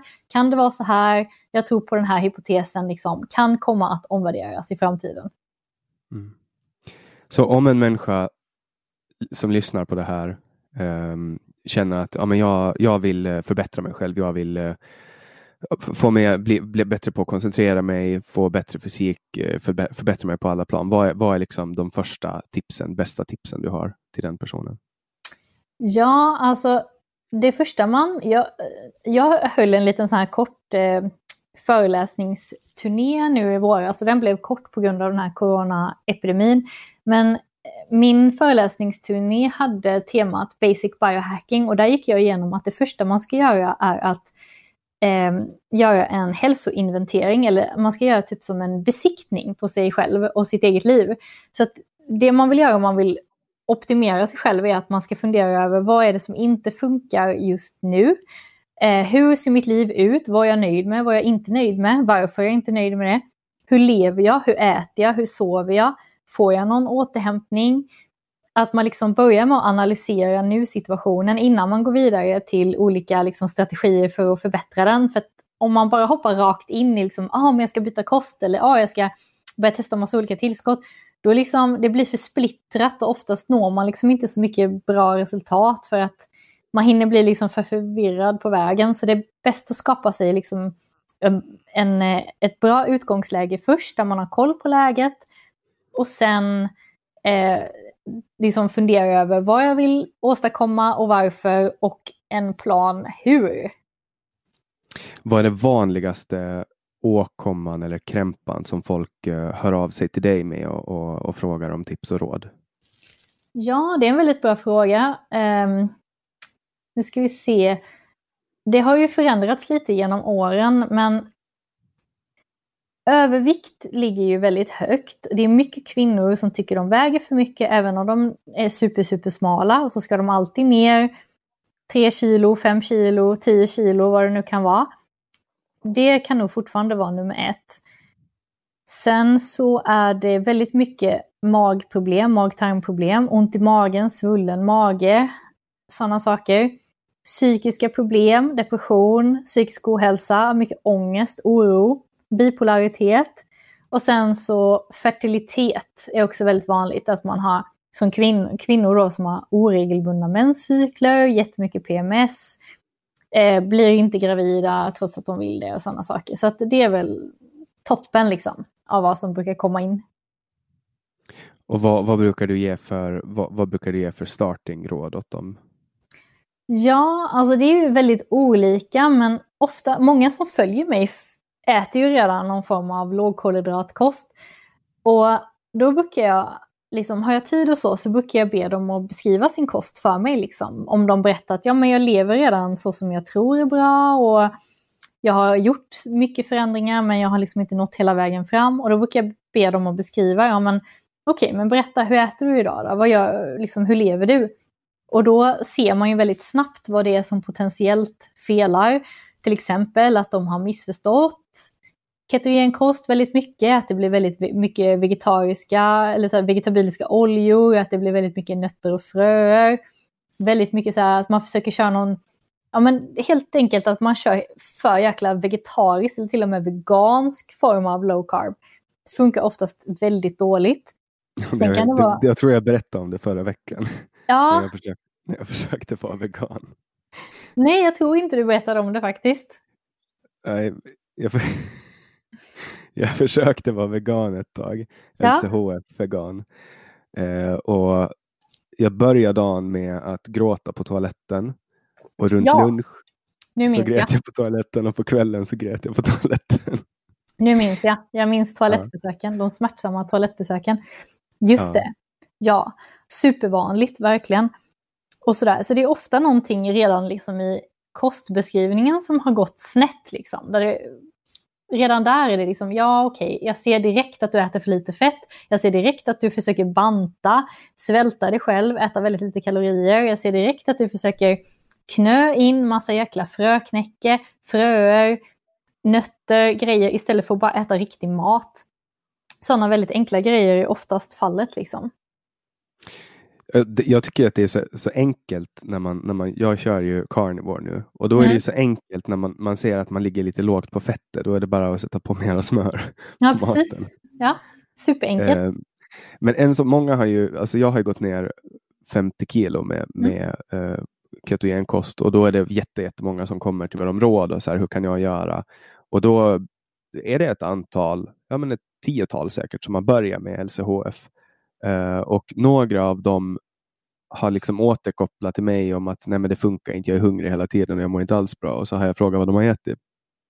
Och då har det visat sig att, att många missförstår den här grejen med LCHF och så tar de bort kolhydrater helt och hållet men, men liksom kör nästan bara protein och inget fett. Ja, De kan köra mycket, mycket kött och, och så men liksom ingen sås till det och väldigt lite smör. Och då är det klart att man går runt och mår- då är det ju bara plåga. För då, verkligen. då får ju kroppen bara kämpa istället. O, oh ja, verkligen. Supervanligt att man liksom...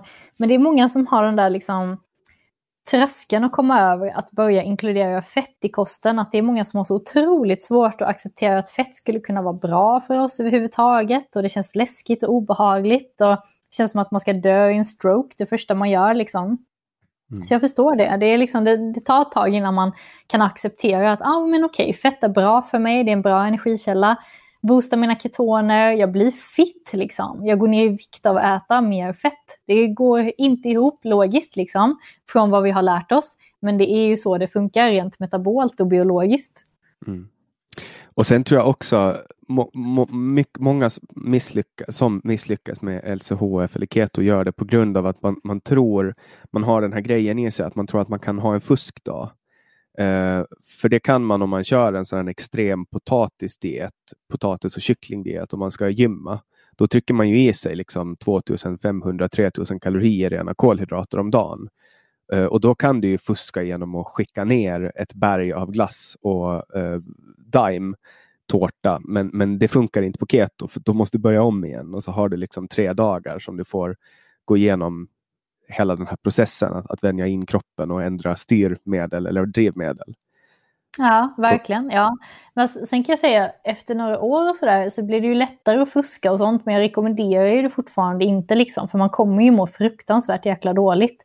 Om man går från att vara i ketos till att börja äta massa kolhydrater. Det kommer inte vara nice liksom. Det kommer inte vara sådär himla gött som man kom, kommer ihåg det. Det är inte det. Nej, det, och sen också när man får socker på tungan första gången efter att inte ha haft det på länge så blir man, ju, man kroppen reagerar ju som att det är ett gift. Liksom. Man vill, Verkligen. man, vill bli, man, vill spotta ut det. Ja, ja, oh ja. ja. Det är som att röka en som är- cigarett på första gången på jättelänge. Ja, Då får man ju en, först en nick men sen vill man ha en till imorgon. Liksom. ja, oh ja. Men det är för att båda är droger. Jag spelade in ett samtal med en eh, kille från Åland, eller han är inte från Åland men han bor på Åland, eh, Johan Lindström. Och vi pratade ganska mycket om, om keto. Han är, han är då tränare till Robert Helenius som är proffsboxare. Och de kör i princip enbart eh, carnivore, keto carnivore. Och han berättade om, om ett hack eh, i, exklusivt i podden. Jag tror inte han har berättat om det förut offentligt. Men han berättade om hur man kan jag tror han sa att det var 40 gram kolhydrater eller någonting. Man kunde ladda kroppen med 40 gram kolhydrater precis före man ska göra ett dra av ett ordentligt gympass. Och då kan man både använda kolhydrater och eh, ketoner samtidigt. Ja, Han har experimenterat med det. Du får gå tillbaka och lyssna på det. Det är faktiskt intressant. ja Eh, coolt. Det har gått väldigt bra för Robert Helenius också. Han ska han ska boxas om en chans att få boxas om VM-titeln nu. Mm. Eh, och han är inte den första atleten som, som går fram snabbt eh, tack vare en ketogenkost. Det finns ju många som håller hemligt att de, att de är ketogena Mm. och lyckas väldigt bra. Och jag tror att vi, det pratade vi också om lite förra gången om, om, um, om typ långdistanslöpning. Gjorde vi det? Mm. Nej, jag minns inte det. Jag tror inte det.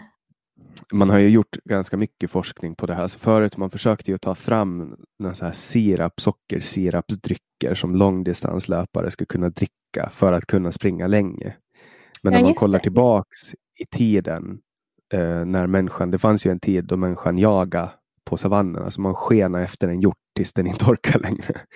Ja. Eh, då hade man ju ingen sockersirap i en eh, aluminiumtetra som man kunde fästa i sitt sp- springbälte, utan man sprang naken med ett litet skynke och kanske hade eh, fötterna inlindade i någon bit läder. Ehm, men, men vad är det som liksom Ja. gör att man tror att det är naturligt? Att för att kunna springa långt, som man alltid har kunnat göra förut, ska man måste dricka någon så här apelsinsockersirap. Jag, jag, för mig är det helt oförståeligt. Ja, det är högst märkligt att vi har kommit till den slutsatsen. Liksom. Det är verkligen konstigt. Och Det är lite samma med skor också. Alltså, Man har ju aldrig förut haft så mycket skador i fötterna eh, som man har nu. Alltså fot och knäskador. Och det var ju efter att man introducerade löparskon som visserligen är skön att springa i, men helt uppenbarligen leder till skador. Verkligen. Jag är ju en sån riktig barfota-entusiast och har varit det liksom i flera år. Så här. Sen jag hittade barfotaskor för första gången, typ 2012 eller någonting sånt, så sket jag i det där med liksom vanliga skor och sen så började jag strunta i skor överhuvudtaget. Så att nu är jag nästan alltid barfota. Jag går ju liksom ofta ut barfota och sånt. Jag tycker, jag tycker skor är typ det värsta jag vet. Var det efter att du läste Born to Run? Det var det. Jag, bör, jag började aldrig med det efter, efter, jag läste, e- efter jag läste den, för jag hade redan köpt löparskor för 5000 kronor. Eh, ett par för inomhus och ett par för utomhus. Eh, Mhm. Så jag var så här, jag tittade på dem och så tänkte så här, okej, ska, jag, ska jag måste köpa ett par barfotaskor? Nej, jag ska nöta ner de här jävlarna först. Så tänkte Ah, jag. Men, men jag, jag får ju knä, knäskador hela tiden när jag springer. Liksom. Hur, hur Mm. jag än gör. Så det är nog kanske dags att, att börja ja, men lämna skorna inne och börja springa i skogen istället. Det tycker jag definitivt. Det är väldigt skönt. Det känns liksom som någon slags terapi för fötterna. Mm. Har du haft runners high någon gång? Definitivt, definitivt. Men jag är ingen löpare sådär egentligen, utan jag är mer av en powerlifter. Så jag löper inte så mycket längre, utan jag gillar mest att gå till gymmet och lyfta tungt. Men nu har mitt gym stängt på grund av coronagrejerna, så att eh, jag får försöka lära mig att träna hemma och träna med det jag har liksom tillgängligt för att försöka bygga upp min kropp. Men det är inte lätt alltså. Nej, jag, jag funderar lite på hur man skulle kunna lösa de här situationerna och jag har räknat lite på vad det kostar att leasa ett hemmagym. Och Mm. i, I bästa fall, om man leasar ett hemmagym, så kan man få det för ungefär lika mycket som ett, ett satskort kostar. Eh, så om man har plats så kan man faktiskt göra det. Man kan leasa ett hemmagym. Ja, imponerande. Det har, jag har inte ens tänkt tanken, utan jag har bara försökt här, ja okej. Ja, jag får väl göra lite så här push-ups och så får jag så här, jag har en så här pull-up bar, jag har lite så olympiska ringar och sånt, jag har en kettlebell, ja, jag får bara göra det bästa av det liksom. Jag har en sån här eh, bänk som man kan träna ryggen och magen eh, och, och en sån här extremt eh, in, invecklad eh, pull-up bar som man både ska kunna träna lats och, och bröstmuskler, men inte vad heter det, alltså att man har brett grepp och sen också Ja, så man kan träna bicep. Men utöver det så inte en chans att jag ställer mig med någon Youtube-video och börjar ha någon zumba i Nej. vardagsrummet. Liksom. Det är ju jättetråkigt. ja, ja det, jag känner likadant. man vill ju komma i mood. Det är ju det som också är grejen, att man har, tar på sig träningskläder och, och verkligen gör det där träningspasset. Det blir som en liten ritual. Precis, och jag tycker en del av det är att man går till gymmet där man har alla sin, liksom sin utrustning som man är van vid. Det är därför jag tycker det blir så svårt hemma. Mm. Ja, och sen, eh, men det, det, det, det, det är väl typ det enda positiva nu är, är, att man blir tvungen att, att springa. För jag brukar ju så långt jag bara kan så undviker jag att springa fast jag vet att jag behöver det. Men, ja, det är samma här. Men första gången jag fick runners high, det var sannolikt en av de eh, härligaste upplevelserna jag haft någonsin. Eh, det var precis när jag hade börjat springa. Eh, och när, när jag börjar med någonting så gör jag alltid det. Jag gör alltid för mycket av det. Och då var det väl kanske två, tre veckor in. Nej, jag hade hållit på ganska länge. Det här var på hösten och jag började på våren. Så det var kanske ett halvår in eh, på min löpning. Så drog jag ett intervallpass och jag hade sprungit åtta kilometer eh, när, när den där känslan inträdde sig. Och i över en minut så, så, så kände jag inte min kropp. Utan det var som att jag var ett, ett skilt väsen som svävade fram i luften. det var, jag har aldrig varit med om något liknande. Ja, eh. det kan vara väldigt intensivt, men det är, ja, det är fantastiskt vad kroppen kan göra. Liksom. Ja, det, var som, det var som när jag opererade min hals eh, när jag var 17-18. Då, då fick jag morfin injicerat. Det kändes ungefär så. Ja. Det var helt, helt otroligt. eh, men det är väl de upplevelser, alltså man måste, väl, man måste eh, enligt min erfarenhet pusha sig igenom de där jobbiga tiderna förrän man får uppleva de här riktigt, riktigt härliga upplevelserna. Verkligen. Ja, men man kan få någon slags sån känsla av väldigt, väldigt tung styrketräning också tycker jag. När man bara kör och kör och kör och det är för tungt och för jobbigt. Efter ett tag kommer den här liksom endorfinkicken av att man bara pressar, pressar, pressar. Så att man kan få nästan lika bra upplevelse bara genom att träna riktigt, riktigt hårt liksom, på gymmet. Mm. Oavsett om det är cardio eller någonting annat. Jag brukar få styrketränings eh, sköna känslan som kommer efter det. Den brukar komma när jag kommer hem. Mm. Det är då jag brukar känna, när, när svetten kallnar. Då, ja. Det är då det börjar, det börjar kännas. Eh, men jag kommer från en, en, bakgrund där jag inte, jag tränade ingenting när jag växte upp överhuvudtaget. Jag var extremt överviktig och sen har jag liksom upptäckt allt det här i, i vuxna år. Vad, vad är din, din historia? Har du en historia av, av uh, ohälsa förrän du kom till den punkten att du ville börja biohacka eller ville du börja bli bättre? Alltså, ja, jag har ju aldrig någonsin varit överviktig eller så. Jag har alltid varit väldigt smal, men däremot så var jag ganska sjuk av mig. Jag hade liksom mycket så kroniska eh, hals... Eh, jag hade ju liksom kronisk halsfluss och var liksom alltid sjuk och mådde alltid dåligt, hade alltid ont i magen, var alltid trött det var liksom alltid fel på någonting och jag hade ingen energi och det var liksom svårt att koncentrera mig och sådana saker. Så det var bara liksom allmänt dåligt mående. Och jag kommer ihåg det att när jag var 25 eller någonting sånt så insåg jag, eller jag, jag minns att jag tänkte att ja, men jag är liksom 25, jag är typ en ung person. Ska jag verkligen må så här dåligt hela tiden? Att jag typ känner att jag inte orkar någonting och är så trött och jag kan liksom inte träna och allting känns liksom tråkigt och segt och jag har ont överallt och sådär. Det känns liksom inte som att det är så livet ska vara när man är 25. Liksom. Det är ju märkligt. Och jag gick ju till läkaren då och då och gjorde så här liksom, ja, med lite olika utredningar och sånt. Och ja, de kom ju fram till att min tarm var ganska inflammerad. Jag hade sjukt högt CRP som är en inflammationsmarkör.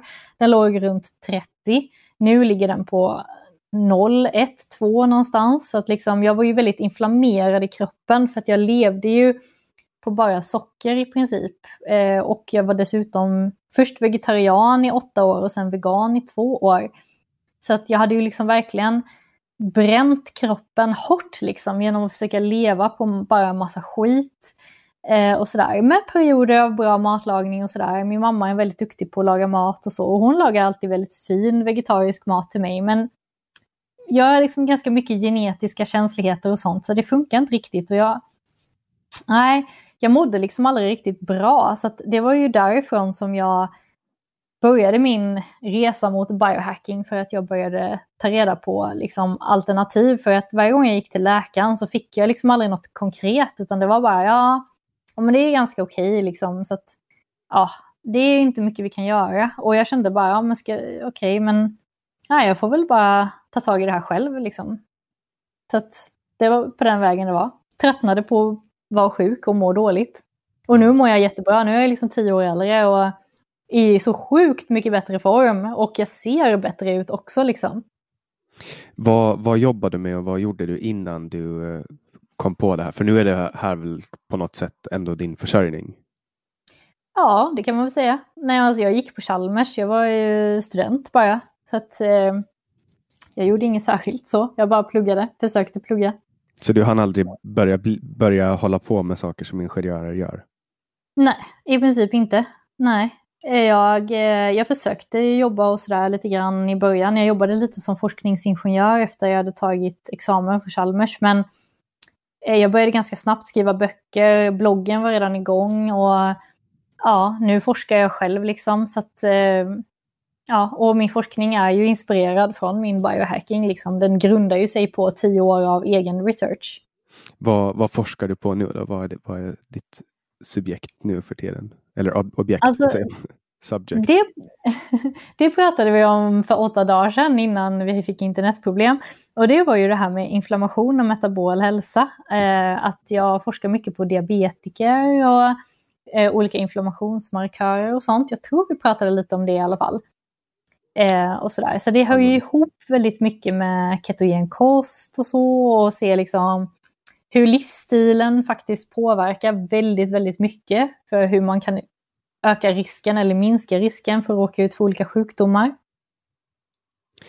Om, om, om man kollar på, jag nämnde ju tidigare mycket med, med, eller jag nämnde tidigare det med ayurvedisk läkemedelskonst det, och det är indisk kan man väl säga, indisk läkekonst. Det finns väl kanske flera olika grenar.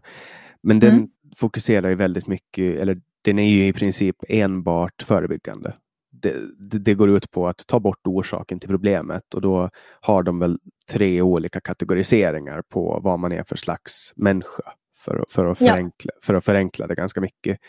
Eh, och, och, är man en viss sorts människa så ska man äta en viss sorts mat. Och det här är ju kunskap som folk har känt till i tusentals år. Mm. Det här är ju saker som har utvecklats. Alltså, det är någon, någon luring här som har hittat att ja, men om man äter grodblad eh, eller whatever så, så börjar man må bättre om man har röd, röd näsa. Alltså, och så har man bara liksom generation från generation, banalt exempel, men man har liksom eh, förädlat den här kunskapen och då är det ju liksom empiri kan man säga.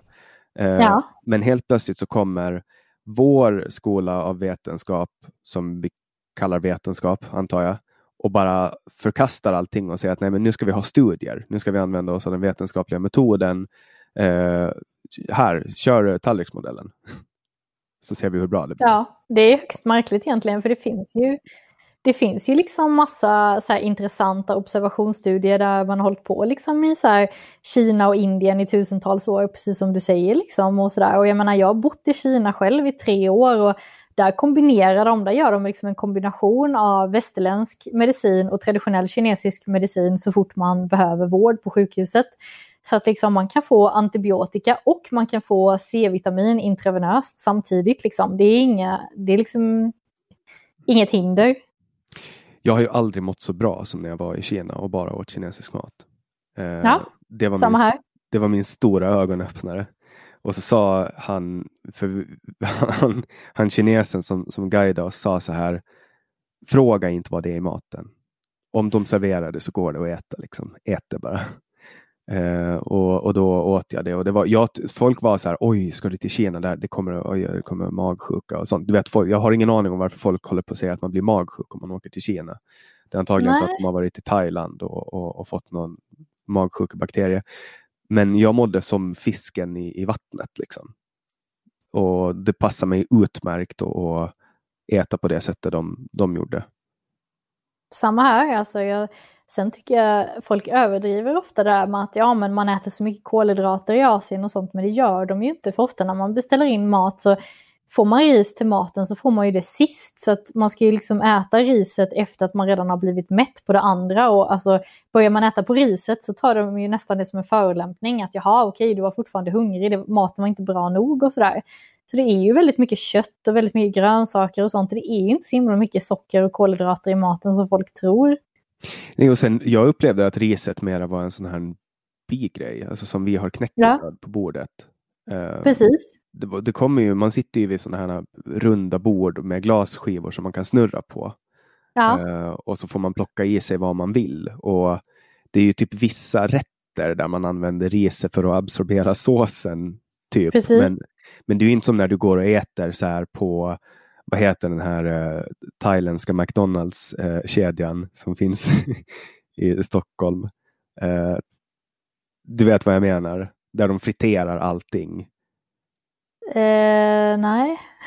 ja, men det, det finns överallt i, i Sverige så finns det ju någon mots, alltså det är någon så här snabbmat, asiatisk, thai, Vietnam, eh, Kina mat. Och där är det så här ris, ris, ris och så är det såser som är typ, ja men det är typ som sirap. Okej, okay, ja. Sweet chili sås och så är det jordnötssås och allting. Det är bara socker, socker, socker, socker, socker. Så är det ju inte när man äter i Kina. Nej, nej absolut inte. Jag tycker det är väldigt snålt med socker och kolhydrater. Och som du säger så är ju ris används ju liksom bara som ett tillbehör. Liksom. Det, är ju, det är ju bara västerlänningarna som sitter och har ris till allting och ska ha liksom ett berg av ris. Så är det ju liksom varken i Kina eller i Japan. Har du varit i Indien? Nej, det har jag inte. Men där har jag hört att de äter väldigt mycket kolhydrater däremot. Ja, de, jag, jag, har inte heller varit där så jag kan, jag kan inte uttala mig men, men som jag har förstått det så, så har de också Men där, där är det väl också lite att man ska följa sin egen individuella. Det är väl också det som är ayurvedisk läkekonst att man eh, tar väldigt mycket hänsyn till individen. Eh, Verkligen. Eh, för här är det ju mera så här, kollar man på en skolmatsal då är det så här, ja men du ska ha eh, en tredjedel potatis, en tredjedel sallad och, och sen ska det vara en tredjedel kött. Typ. Eller jag vet inte ens om tallriksmodellen är så, det är väl typ en fjärdedel kött. Eh, och den största mängden mat är kolhydrater. För att salladen är också bara kolhydrater. Mm. Och ja, alltså kollar man på människor, människors tandhälsa eh, sen man introducerade den här högkolhydratdieten, kollar man på övervikt. Det har aldrig funnits så mycket överviktiga människor och det är ju inte bara på grund, så, så är min tanke i alla fall, att det är inte bara på grund av för att folk sitter stilla, som många säger, Nej. att det är allt stillasittande som gör att vi blir överviktiga. Nej, absolut inte. Att de typ ger Fakt bort gratis kolhydrater. Faktum är att SVT publicerade idag en artikel om att träning inte gör, alltså att det ja, en studie då på att träning inte gör så, så, att man går ner i vikt så himla mycket som man tror, kanske till och med inte alls.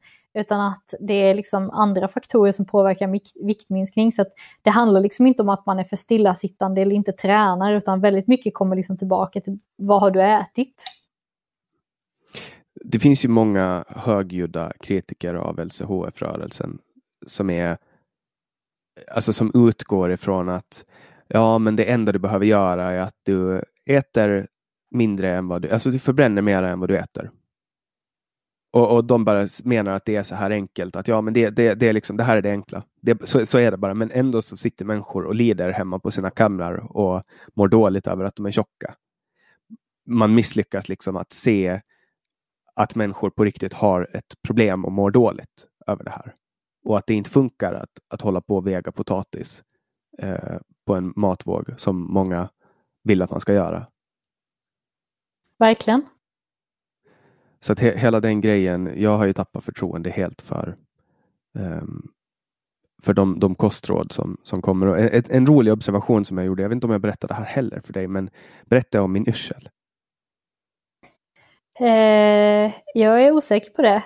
ja, om, jag, om jag berättar om min yrsel så, så får jag ta bort den här delen. Men jag, för två, tre år sedan, så, ja, för 2018, vintern 2018, så fick jag jätteproblem med yrsel. Alltså jag fick sån här gungning. Det kändes som att jag hade maldebarkment, alltså att dålig landstigning, att man har varit på en färja och så stiger man av och så fortsätter det gunga.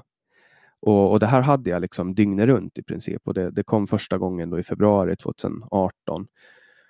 Och så höll det på fram till ungefär april, maj och då var jag direkt till läkare. Det var ju så obehagligt.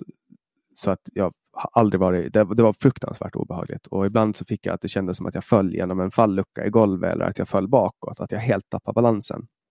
Oj. Så jag blev, först blev jag sjukskriven eh, och, och, så undersökte de mig för det var en, en, läkare som sa att ja, men det här är virus på balansnerven. Att eh, ta sjösjuketabletter så blir det bättre och bara håll ut. Liksom. Och så gjorde jag det och det blev inte, det blev inte ens marginellt bättre. Och så var jag till en annan läkare efter några dagar och hon sa att eh, ja, nej, det här, det här är kristallsjuka. eh, att du, ta, gör de här övningarna så kommer det att bli bättre. Så fick jag övningar och så gjorde jag dem och så blev det liksom inte bättre. Och sen tog jag kontakt med en ny läkare och han sa oh, nej, det här, det här är varken virus, virus på balansnerven eller, eller kristallsjuka. Det här är ångest. Du är stressad. Nu sjukskriver du Så sjukskrev han mig och så var jag hemma och vila och det blev liksom inte bättre och så blev det vår och sen gick jag ner i arbetstid och liksom försökte ta det lugnt och så blev det sommar och sen var det bra. Och, okay. och jag visste liksom inte vad det där var. Det var så jävla obehagligt och så återkom det vintern efter exakt samma mönster 2019. Och nu när det återkom, när det kom tillbaks nu i februari i, i år, 2020, eh, då blev jag liksom så här, okej okay, nu, för jag hade första gången det hände så skrev jag på massa forum på internet. Jag hittade folk som hade samma problem, men, men vi, det fanns liksom inga svar på det. Och, och så satt jag bara och, och funderade på, alltså satt och djupanalyserade, men vad kan det vara? Vad, vad, vad, vad, finns det för gemensamma nämnare? Så skrev jag upp alla gemensamma nämnare och konstaterade att okej, okay, det här är under den mörkaste tiden på året. Och då funderade jag, okay, vad, vad är det för vitaminer som, som man drar minst på den mörka tiden på året? Okej, okay, det, det, är vitamin D. Och då började jag googla så här, vitamin D och vertigo som då är det här namnet för den här. Alltså det finns någon V, det, det är en lång förkortning i alla fall på, ja. på oförklarlig eh, snurrighet. Och så ja. hittade jag en hypotes om att det kunde ha att göra med D-vitaminbrist. Mm, eh, och att, att, de här kristallerna, balanskristallerna, att det blev någon förkalkning på dem. Eh, och så läste jag den här att det var någon förstudie där de hade haft 18 personer som de testade på och alla som hade haft det här hade fått en förbättring eller att, att det har försvunnit helt. Och då, och då kollade jag vad maxdos D-vitamin var som man kan ta per dag och så maxade jag den och efter fyra dagar så försvann det. Oj, dess... det var imponerande. Wow, och, vilken extrem D-vitaminbrist. Ja, men sen, sen dess hade det varit helt borta. Och det wow. roliga var att jag skrev, jag har tre, tre personer som jag skrev det till då, som är läkare. Och två av dem var så här, oj intressant. Det här var verkligen intressant. Alltså yrseltillstånd är jättekomplicerade och det här kanske jag, det här ska jag ta med mig liksom eh, för framtiden. Att det kanske någon av mina patienter kanske kan hjälpas med. För jag har behandlat folk som har haft lite så här svåra yrselproblem som aldrig har blivit lösta. Och så var det en, en tredje läkare som svarade så här, jaha, nej men det finns inga bevis för att D-vitamin hjälper. Nej, det är det typiska svaret och det är det som gör en så jäkla trött när det kommer till vissa läkare. Att man liksom lyckas lösa någonting som är sjukt komplicerat men man lyckas ändå knäcka det och bli bättre och det är någonting som kan hjälpa andra människor. Och ändå är de inte intresserade. Alltså det övergår verkligen mitt förstånd. Mm. Men, men jag tycker att eh, mycket av det är den eh, attityden bland läkare som, som jag eh, föraktar mest. Därför att man, man väljer att kolla blint på det som funkar för flest antal människor. Men faktum kommer alltid att kvarstå att alla människor är individer och har sin egen genetiska uppbyggnad. Liksom. Det finns ingen människa som är lik den andra. Verkligen, ja, jag håller helt med. Vi kan väl kalla dem mainstream-läkare. Ja, verkligen. Sen finns det ju de läkarna, vi pratar lite om, om Timothy Noakes, eh, som, som inte får utöva. Eh, alltså, han får inte vara läkare längre. Eh, ja på grund av att han då har varit i Burma för lågkolhydratdiet. Nej, för, ja, låg, lågkolhydratdiet, jag sa rätt. Vad, vad, vad, är, vad, tror du att det är som gör att folk eh, och, och, samhället i all allmänhet är så extremt, extremt rädda och även fast man vet att det inte är så farligt som man har trott fortsätter att avrekom alltså, rekommendera folk att inte gå på lågkolhydratdiet? Jag tror det handlar mycket om beroende faktiskt. Att människor är väldigt beroende av kolhydrater. Alltså även om det inte är ett så här beroende i dess mest strikta mening. Utan så handlar det ändå om att man är så fäst vid carbs att man kan liksom inte tänka sig ett liv utan. Och det känns liksom helt orimligt att inte få den där bullen eller liksom kunna äta den där pastan och sådana saker. Så det känns liksom inhumant att man skulle rekommendera en sån sak. För folk är så liksom fast i sina tankegångar kring vad, hur de ska äta. Alltså mat och religion har ju väldigt många likheter.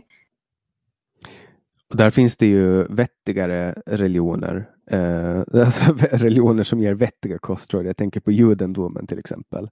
Ja. Eh, det, där finns det ju ganska, alltså koshermat är ju ganska, ganska bra mat. Ja. Eh, Absolut. om man ser det på det sättet. Det är väl typ det här med skaldjur som man kan ställa sig lite tveksam. De får ju inte äta skaldjur. Men jag tror Mm. att det kanske har mer att göra med att den tidens vatten var lite förorenade och att man börjar må dåligt om man åt räkor. eh, Säkert. Från botten av någon insjö. Liksom. Eh, Ja. och, men sen finns det många religiösa inslag. Eh, alltså fasta finns som religiöst inslag i princip alla religioner. Verkligen. Och, och där har man ju, där, det fattar man ju för flera tusen år sedan att, att det är bra att fasta. Verkligen. Ja, oh ja. ja, ja. Det har ju varit en dygd att fasta och det har varit en synd att frossa. Mm. Ja, det är en av de sju dödssynderna. Precis. Och nu är det det enda vi gör, ett kollektivt frossande. Ja, vi frossar på allting. Vi frossar liksom sociala medier, vi frossar mat, vi frossar socker, vi frossar droger, vi frossar alkohol. Allt som, kan vi, allt som vi kan frossa, frossar vi liksom. Mm. Vad är din syn på, på fasta? Nej, jag tycker fasta är väldigt bra liksom. Jag tror det är någonting som verkligen hjälper många människor. Men sen liksom så jag, jag började ju fasta väldigt intensivt, typ ganska snart eftersom, efter jag blev introducerad till lågkolhydratkost och liksom gick in i ketos och sånt. Så började jag utforska fasta väldigt mycket och tyckte det var väldigt häftigt att man bara kunde gå hur lång tid som helst utan att äta och bara wow vad coolt det här är. Men sen så insåg jag efter ett tag att okej okay, men för mig personligen som redan väger ganska lite, och jag är kvinna med liksom ett väldigt känsligt hormonsystem och sånt. Jag måste vara lite försiktig med fasta och jag märker det också på väldigt många av mina kvinnliga läsare att de kan liksom inte så här, dödsfasta varje dag eller liksom köra långfastor ofta för att ett, liksom eh, ägglossningen ryker, två, eh, mensen blir liksom förskjuten, tre, eh, det kan vara väldigt svårt som kvinna att dels vi har ganska låg testosteron och sådär, om vi också ska liksom fasta massor så kan det bli så att vi liksom inte bygger så mycket muskler och sånt som man kanske vill om man är ute efter att bygga och sådär. Så för min del så jag var tvungen att dissa fastan eh, 2015 och eh, det var mycket för att jag hamnade hela tiden på styrkeplatåer för att ja, men jag är väldigt intresserad av powerlifting och liksom bli så stark som möjligt. Så att jag märkte att nej, alltså det här går inte. Jag blir liksom för svulten. Jag måste käka mina minst tre mål om dagen. Liksom. Keto-måltider, liksom. annars så går det inte. Annars så kan jag inte öka i vikt. För jag, liksom, jag blev, jag blev liksom bara smal hela tiden och jag, det var inte vad jag ville ha. Jag ville ju ha liksom, en muskulös kropp. Så det är lite olika hur man är byggd, det är lite olika vad man tål. Jag har också liksom kvinnliga läsare som mår jättebra av att fasta, som inte har någon påverkan på sin menscykel och som tajtar till, blir av med fettet de vill, får en jättesnygg kropp. Liksom. Så man måste verkligen känna in hur det, hur det funkar för en själv, och vad man själv har för liksom näringsbehov och vad man själv har för energibehov, skulle jag säga. Någonting som har växt väldigt snabbt nu är ju periodisk fasta. Ja, eh, verkligen. Och det är egentligen bara en återgång till hur vi höll på förut. Före ja. vi skaffade oss kylskåp och före vi lärde oss salta eller att man kunde kasta ner det i en tunna i källaren. Då fick, ja. man ju, då fick man ju gå ut och så fick man börja jaga på morgonen. Och sen kanske vid lunch så hade man hittat någonting att jaga, någon ekorre eller någonting som man grillade. Och så åt man det vid lunch. Och så hade man kvar mat på kvällen. Um, vad tror du det är som har gjort att, att folk har liksom återupptäckt det nu? Är det bara att det är en fluga eller Ja, jag tror att det, är, att det är på modet och jag tror att folk har märkt att de kan gå ner väldigt mycket i vikt genom att fasta. Så att jag tror att det är viktminskningen som driver det som vanligt, liksom att folk alltid vill tappa i vikt, alltid vill tappa i fett. Finns det något nytt sätt? Okej, okay, kan jag fasta mig ner i vikt? Ja, men kör på det liksom. För jag menar, den här periodiska fastan, för mig hade bara liksom funkat extremt bra magmässigt. Alltså min mm. mage funkar jättebra på det och jag kör vanligtvis två mål om dagen, alltså ett vid 12 och ett vid 6. Men nu, nu idag kör jag ett mål idag liksom. Och, och då, då blir det att jag fastar i typ ja, men 23 timmar fasta. För det mesta så har jag 16 eller 18 timmars fasta förrän jag bryter den. Och det är lite intressant också att kolla på ordet breakfast. Det är ju break fast. För att man ja. bryter sin fasta. Uh, och Alltså det här med att frukost är det viktigaste mål, målet på dagen. Bullshit enligt mig. Ja, alltså det beror på lite hur man ser det. Jag ser det som ett sätt att liksom leva med sin cirkadiska rytm. Som väldigt många äldre kvinnor till exempel som har testat att banta och testat att fasta och testat alla möjliga olika metoder eh, för att liksom gå ner i vikt och så. De kan behöva lägga in en fru strikt så här, frukost, lunch och middag för att liksom direkt när man äter på morgonen äta sin mat för att ta ner kortisolet, eh, alltså få liksom en blodsockersänkning med en gång och få igång sitt grelin och leptin och att insulinet och allting sånt där fungerar som det ska. Och sen käka en lunch och sen käka en kvällsmat. Som är min kvällsmaten ska vara mindre än frukosten. Och sen så går man liksom och lägger sig några timmar senare och så upprepar man det här. Liksom. Och jag har liksom protokoll för det här som jag kallar för leptin, leptin reset protocols och sådana saker, eller circadian protocols. Och det funkar väldigt bra för liksom en viss typ av människor, då, alltså de som har liksom bantat sönder sina kroppar och inte längre känner sina egna hungersignaler. Men med det sagt så vill jag ju liksom inte säga att man måste äta frukost eller att man inte kan äta ett mål om dagen. Jag levde så i flera år och mådde liksom skitbra på det. Bara det att jag kunde inte gå upp i vikt när jag åt ett mål om dagen. Mm. Och det var mitt mål liksom. Ja, alltså sen finns det ju, jag vet folk som har testat periodisk fasta som det, det funkar liksom inte. Det, hur, hur mycket vilja de än har så får de inte att funka. Men, men man får ju alltid, jag får ju alltid jobba med att, att inse att det finns liksom inga universallösningar. Och sen finns det saker som funkar en period och sen slutar det funka. Mm, verkligen, ja men så är det verkligen. Att man testar någonting och man blir helt frälst och man bara wow, hur har jag kunnat missa det här? Och så kör man så en lång period och sen plötsligt så bara nej men okej, nu får jag testa något annat för nu funkar inte det här för mig längre. Mm. Och det verkar vara så det är liksom. Ja, också saker som, som jag inte har kunnat äta förut som jag helt plötsligt kan äta. Som jag mm. upptäcker av slump. Att nu, nu funkar det och det, man vet ju aldrig, alltså kroppen leker ju sig själv när man, när man ger den paus. Ja. Um, men jag hörde, var var det jag hörde det? Det var en bok tror jag jag läste. Jag läser så mycket böcker om kost så att jag vet aldrig var vad kommer ifrån. Men, men det ska i alla fall finnas studier på att håller man sig bara till en sak, att man äter mycket av en viss sak, så är det bättre för kroppen att, än att hålla på och mixa. Känner du igen det? Ja, jag känner igen eh, hypotesen, absolut. Vad, vad tror, vad, finns det mycket belägg för, för, för den hypotesen? Nej, det gör det väl inte, utan det, det, mest, det som det finns mest belägg för är ju det här Eat the Rainbow, att man ska äta så varierat som möjligt och äta typ alla möjliga olika färger av alla möjliga olika frukter och bär och grönsaker och sånt. Det är väl det som man har liksom tänkt på längst när det kommer till typ modern så här, kostforskning. Men det är ju ingenting jag håller med om, utan jag håller ju med om att alla borde vara karnivorer, liksom. Käka en grej, käka bara kött och smör det är vad jag tror hade gjort folk mest hälsosamma. Mm. Ja, och många menar ju också att man ska avstå från kött på grund av klimatet. Verkligen.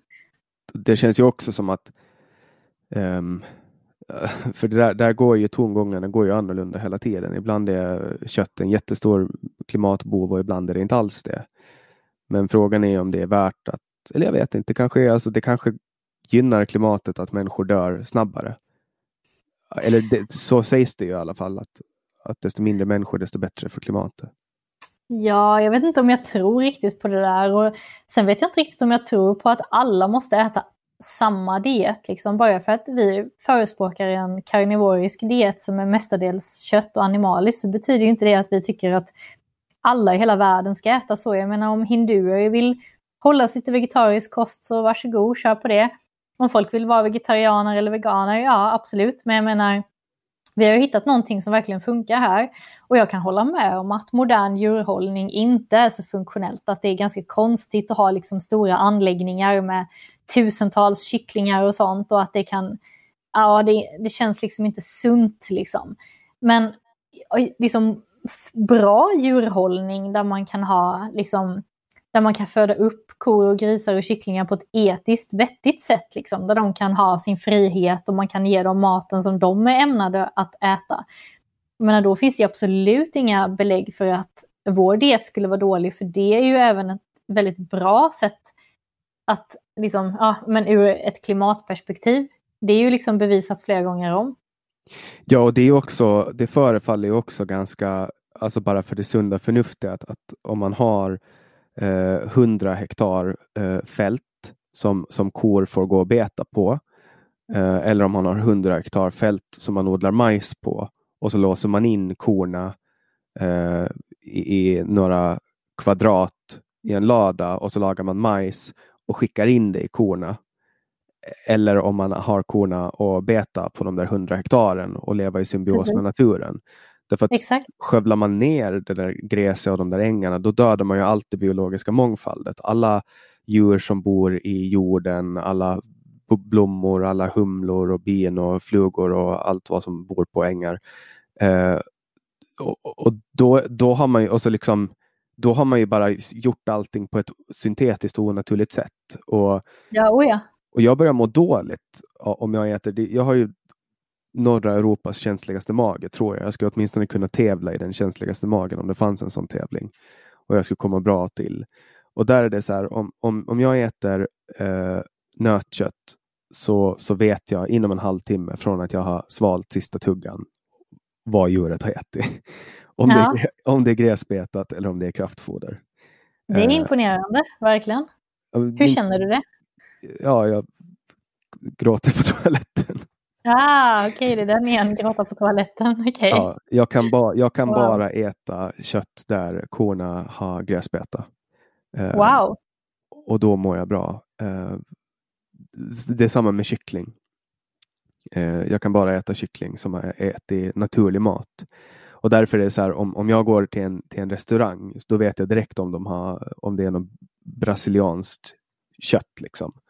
Om det är Ja. någon brasiliansk entrecote. Därför är jag glad nu att bo i Småland. Jag bodde på Åland tidigare och jag har bott i Stockholm. Och i Stockholm så gick det inte att få tag på bra kött. Eh, Okej. För att det, det står att det är gräsbetat och de säger att det är bra, men det är inte bra. Men när man Okej. köper samma produkt nere i Småland så är den bra. Intressant. Ja, men det är, det är logiskt liksom. De smålänningarna är ju lite bättre liksom. Det är mer bönder och sådär. Mm. Och sen du vet på Åland också, då kan man åka ut till bonden och så kan Mm. man få se kon. Man kan liksom boka en ko på förhand. Det är Eh, häftigt. Mm. Och det, alltså man vet också att de enda som har, det enda som har vidrört köttet, det är slaktaren. Mm. Det, det är liksom det, det, det köttet man får också från gräsbetat. Det finns ju många gårdar som den enda ytan, det enda de använder sin yta till i jordbruk är att laga mat åt sina djur. Och det är så, det, det är så ett jordbruk ska vara. Inte att man ska Verkligen. klämma upp massa havre och göra mjöl av det och koka gamla kycklingbitar i det och sälja det som KFC eller chicken nuggets. Liksom. Nej. Men det är igen, jag tror att mycket har med sunda förnuftet att göra. Och sen har det också blivit mycket politik kring vad man ska äta och vad man inte ska äta. Det är ett väldigt stort problem för det fastnar ju väldigt många att det känns liksom fel att äta kött. Även fast kroppen säger att nej men det här är rätt, jag mår bra. Ät kött. Så säger liksom eh, indoktrineringen någonting annat. Att nej men det här, är, det här kan jag ju inte må bra av. Det här är ju jättedåligt och jättefel. Och jag hade själv problem med det i flera år eftersom jag gick från att vara just vegetarian och vegan. Att jag åt ju veganskt för att det var det maximalt hälsosamma. Så det var ju väldigt svårt för mig att acceptera att nej, men vänta nu, det här får ju mig att må dåligt och kött som egentligen är den ondskefulla kosten får ju mig att må bra. Det blev liksom så här kognitiv dissonans. Mm. Och det, det var också det svåraste för mig att acceptera, för jag tyckte det var jättejobbigt att äta carnivore i början. Uh, det var att när jag äter, jag kan äta, alltså jag kan äta, ibland om jag kör OMAD, alltså one meal a day, då kan jag äta långt över ett kilo mat på en Mm. gång i en sittning. Och när jag äter, om man säger att jag äter 1200 gram eh, mat, kött och fett eh, i en sittning. Skulle jag äta motsvarande i kolhydrater så skulle jag få en matkoma där det bara, alltså jag såg stjärnor och låg på sängen och bara försökte andas.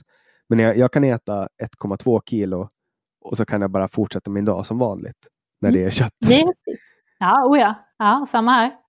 Och det tycker jag också är, så det är också så kontraintuitivt. För att det känns ju som att det här tunga Och du vet hur folk säger, också här, de använder ju en, det är en speciell lingvistik man använder inom de här plant food-kretsarna. Och det är så att jag vill inte ha ruttna lekdelar som kokar i min mage. Och sådana ja. saker. Eh, men alltså nu till exempel, jag, jag sänkte cirka 800 gram antikå precis före vi började. Eh, och det är cirka en timme sedan. Och jag känner inte ens av att jag ska ha ätit. Förutom Nej. att jag har en skön mättnadskänsla. Liksom. Ja. ja, men det är samma här.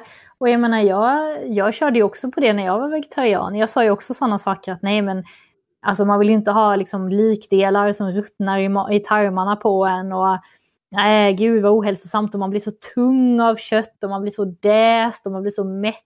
Men av grönsaker och vegetariskt så blir man så lätt liksom och det känns så lätt. Nej, nej, så är det inte. Det är helt tvärtom. Liksom. Man, det är ju av kolhydraterna som man får den här extrema matkoman. Mm. Ja, för de, de sväller ju många, många grejer, alltså som mjöl till exempel, det ligger ju och jäser i magen. Oh ja. Och, och alltså att sänka en pizza är väl typ, alltså om man vill förstöra sin dag, då ska man sänka en pizza. Verkligen, ja. För då, då, då får man ju också en ganska så här jämn, ett jämnt utsläpp av drogerna i kroppen efteråt. Det mm. ligger liksom och skickas ut långsamt och så hålls blodsocker ganska länge högt. Mm. Verkligen. Eh, så att det är, och det värsta, alltså gud vilka, jag, jag fick minnen tillbaks nu från när jag flyttade till Stockholm och bodde precis ovanpå Stockholms äldsta pizzeria. Eh, och den missbrukade jag. Och då, fick jag, då hade jag dagliga matkomor. Liksom. ja. Fy fan. Jag behöver det bara förstår jag. Är det någonting som, som du känner att vi inte har pratat om som vi borde prata om? Någonting som ligger Oj. innanför ditt eh, expertområde? Jag tycker att vi har, vi har pratat väldigt mycket om ketogen kost. Vi har pratat väldigt mycket kost och sådär och lite biohacking. Eh, och det är väl liksom mest det jag själv skriver om och sådär. Så att eh, jag har inga ytterligare önskemål egentligen. Mm. Så för, för de som lyssnar nu som känner att det här har varit intressant och kanske de vill veta mera, vad, vad är första anhalt i, i din bokhylla? Ja, alltså för det första så tycker jag att man ska besöka min blogg, martinajohansson.se. Det tycker jag ska vara första anhalt. Eh, om man bara vill lära sig lite mer och ha det på liksom ett, ta in det på ett lättsamt sätt. Sen eh, tycker jag liksom Ja men alltså börja sök på ketogenkost online och börja sök på biohacking så kommer det komma upp väldigt mycket intressanta träffar. Och jag rekommenderar att surfa runt på forum och sånt. Och som sagt så har jag inte skrivit någon bok om biohacking men däremot har jag skrivit bok om, en bok om ketogenkost som har blivit väldigt populär som heter Keto, den kompletta guiden till ketogenkost. Och där tar jag också upp just carnivore-grejen som vi håller på med, liksom, hur man gör för att käka typ 100% kött och vad effekterna blir av det och hur man gör det på rätt sätt och sådana saker. Eh, och så, så att eh, ja, det är väl eh, vad jag skulle säga om den saken. Mm. Har du någon eh, podcast själv? Nej, jag har inte det, men däremot så tycker jag om att gästa andras poddar. Ja, men du kanske, du kanske får starta en podd då? Du ser ju att det går ju ganska bra nu eh, att göra det online, förutom att jag har problem hela tiden. Men det har ju funkat för, för din del i alla fall. Ja, men det har det. Men jag tycker det är ganska trevligt när folk bjuder in mig till sina poddar och sådär. Jag tycker det är mysigt så. Så jag känner inget behov av att ha en egen ännu. Mm. Det kommer snart, eh, tror jag. Det är ju det som är, det är, det som är the thing just nu.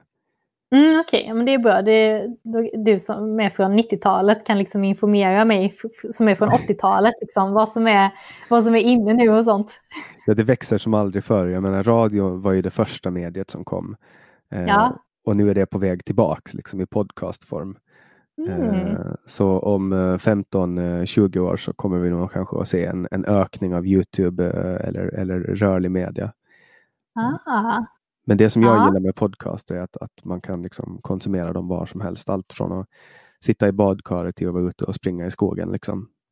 Jo men det är sant, det tycker jag också om med poddar faktiskt. Att man kan liksom bara lyssna när man står och diskar och liksom tränar. Och, ja, det känns väldigt, det är väldigt fritt medium så. Mm. Och till er som har lyssnat, eh, vi släpper ju nya samtal alla onsdagar. Eh, vi har med oss nya gäster varje vecka. Och ni får gärna gå in på www.samtal.ax där ni kan önska gäster ifall det är någon som ni vill eh, se dyka upp här i podden. Ni kan också gå in på www.patreon.com samtal där ni kan donera pengar på månadsbasis. Ni hittar länk på hemsidan. Där hittar ni också mitt nummer för Swish som är 070 3522 472 070 3522 472. Alla donationer är otroligt eh, tacksamt mottagna för att den här, de här tiderna som vi lever i nu gör att jag är tvungen att, att betala för en väldigt dyr men bra tjänst eh, för att kunna spela in de här samtalen online. Eh, producent för det här samtalet var Didrik Svan. Jag heter Jannik Svensson och du har lyssnat på podcasten Samtal.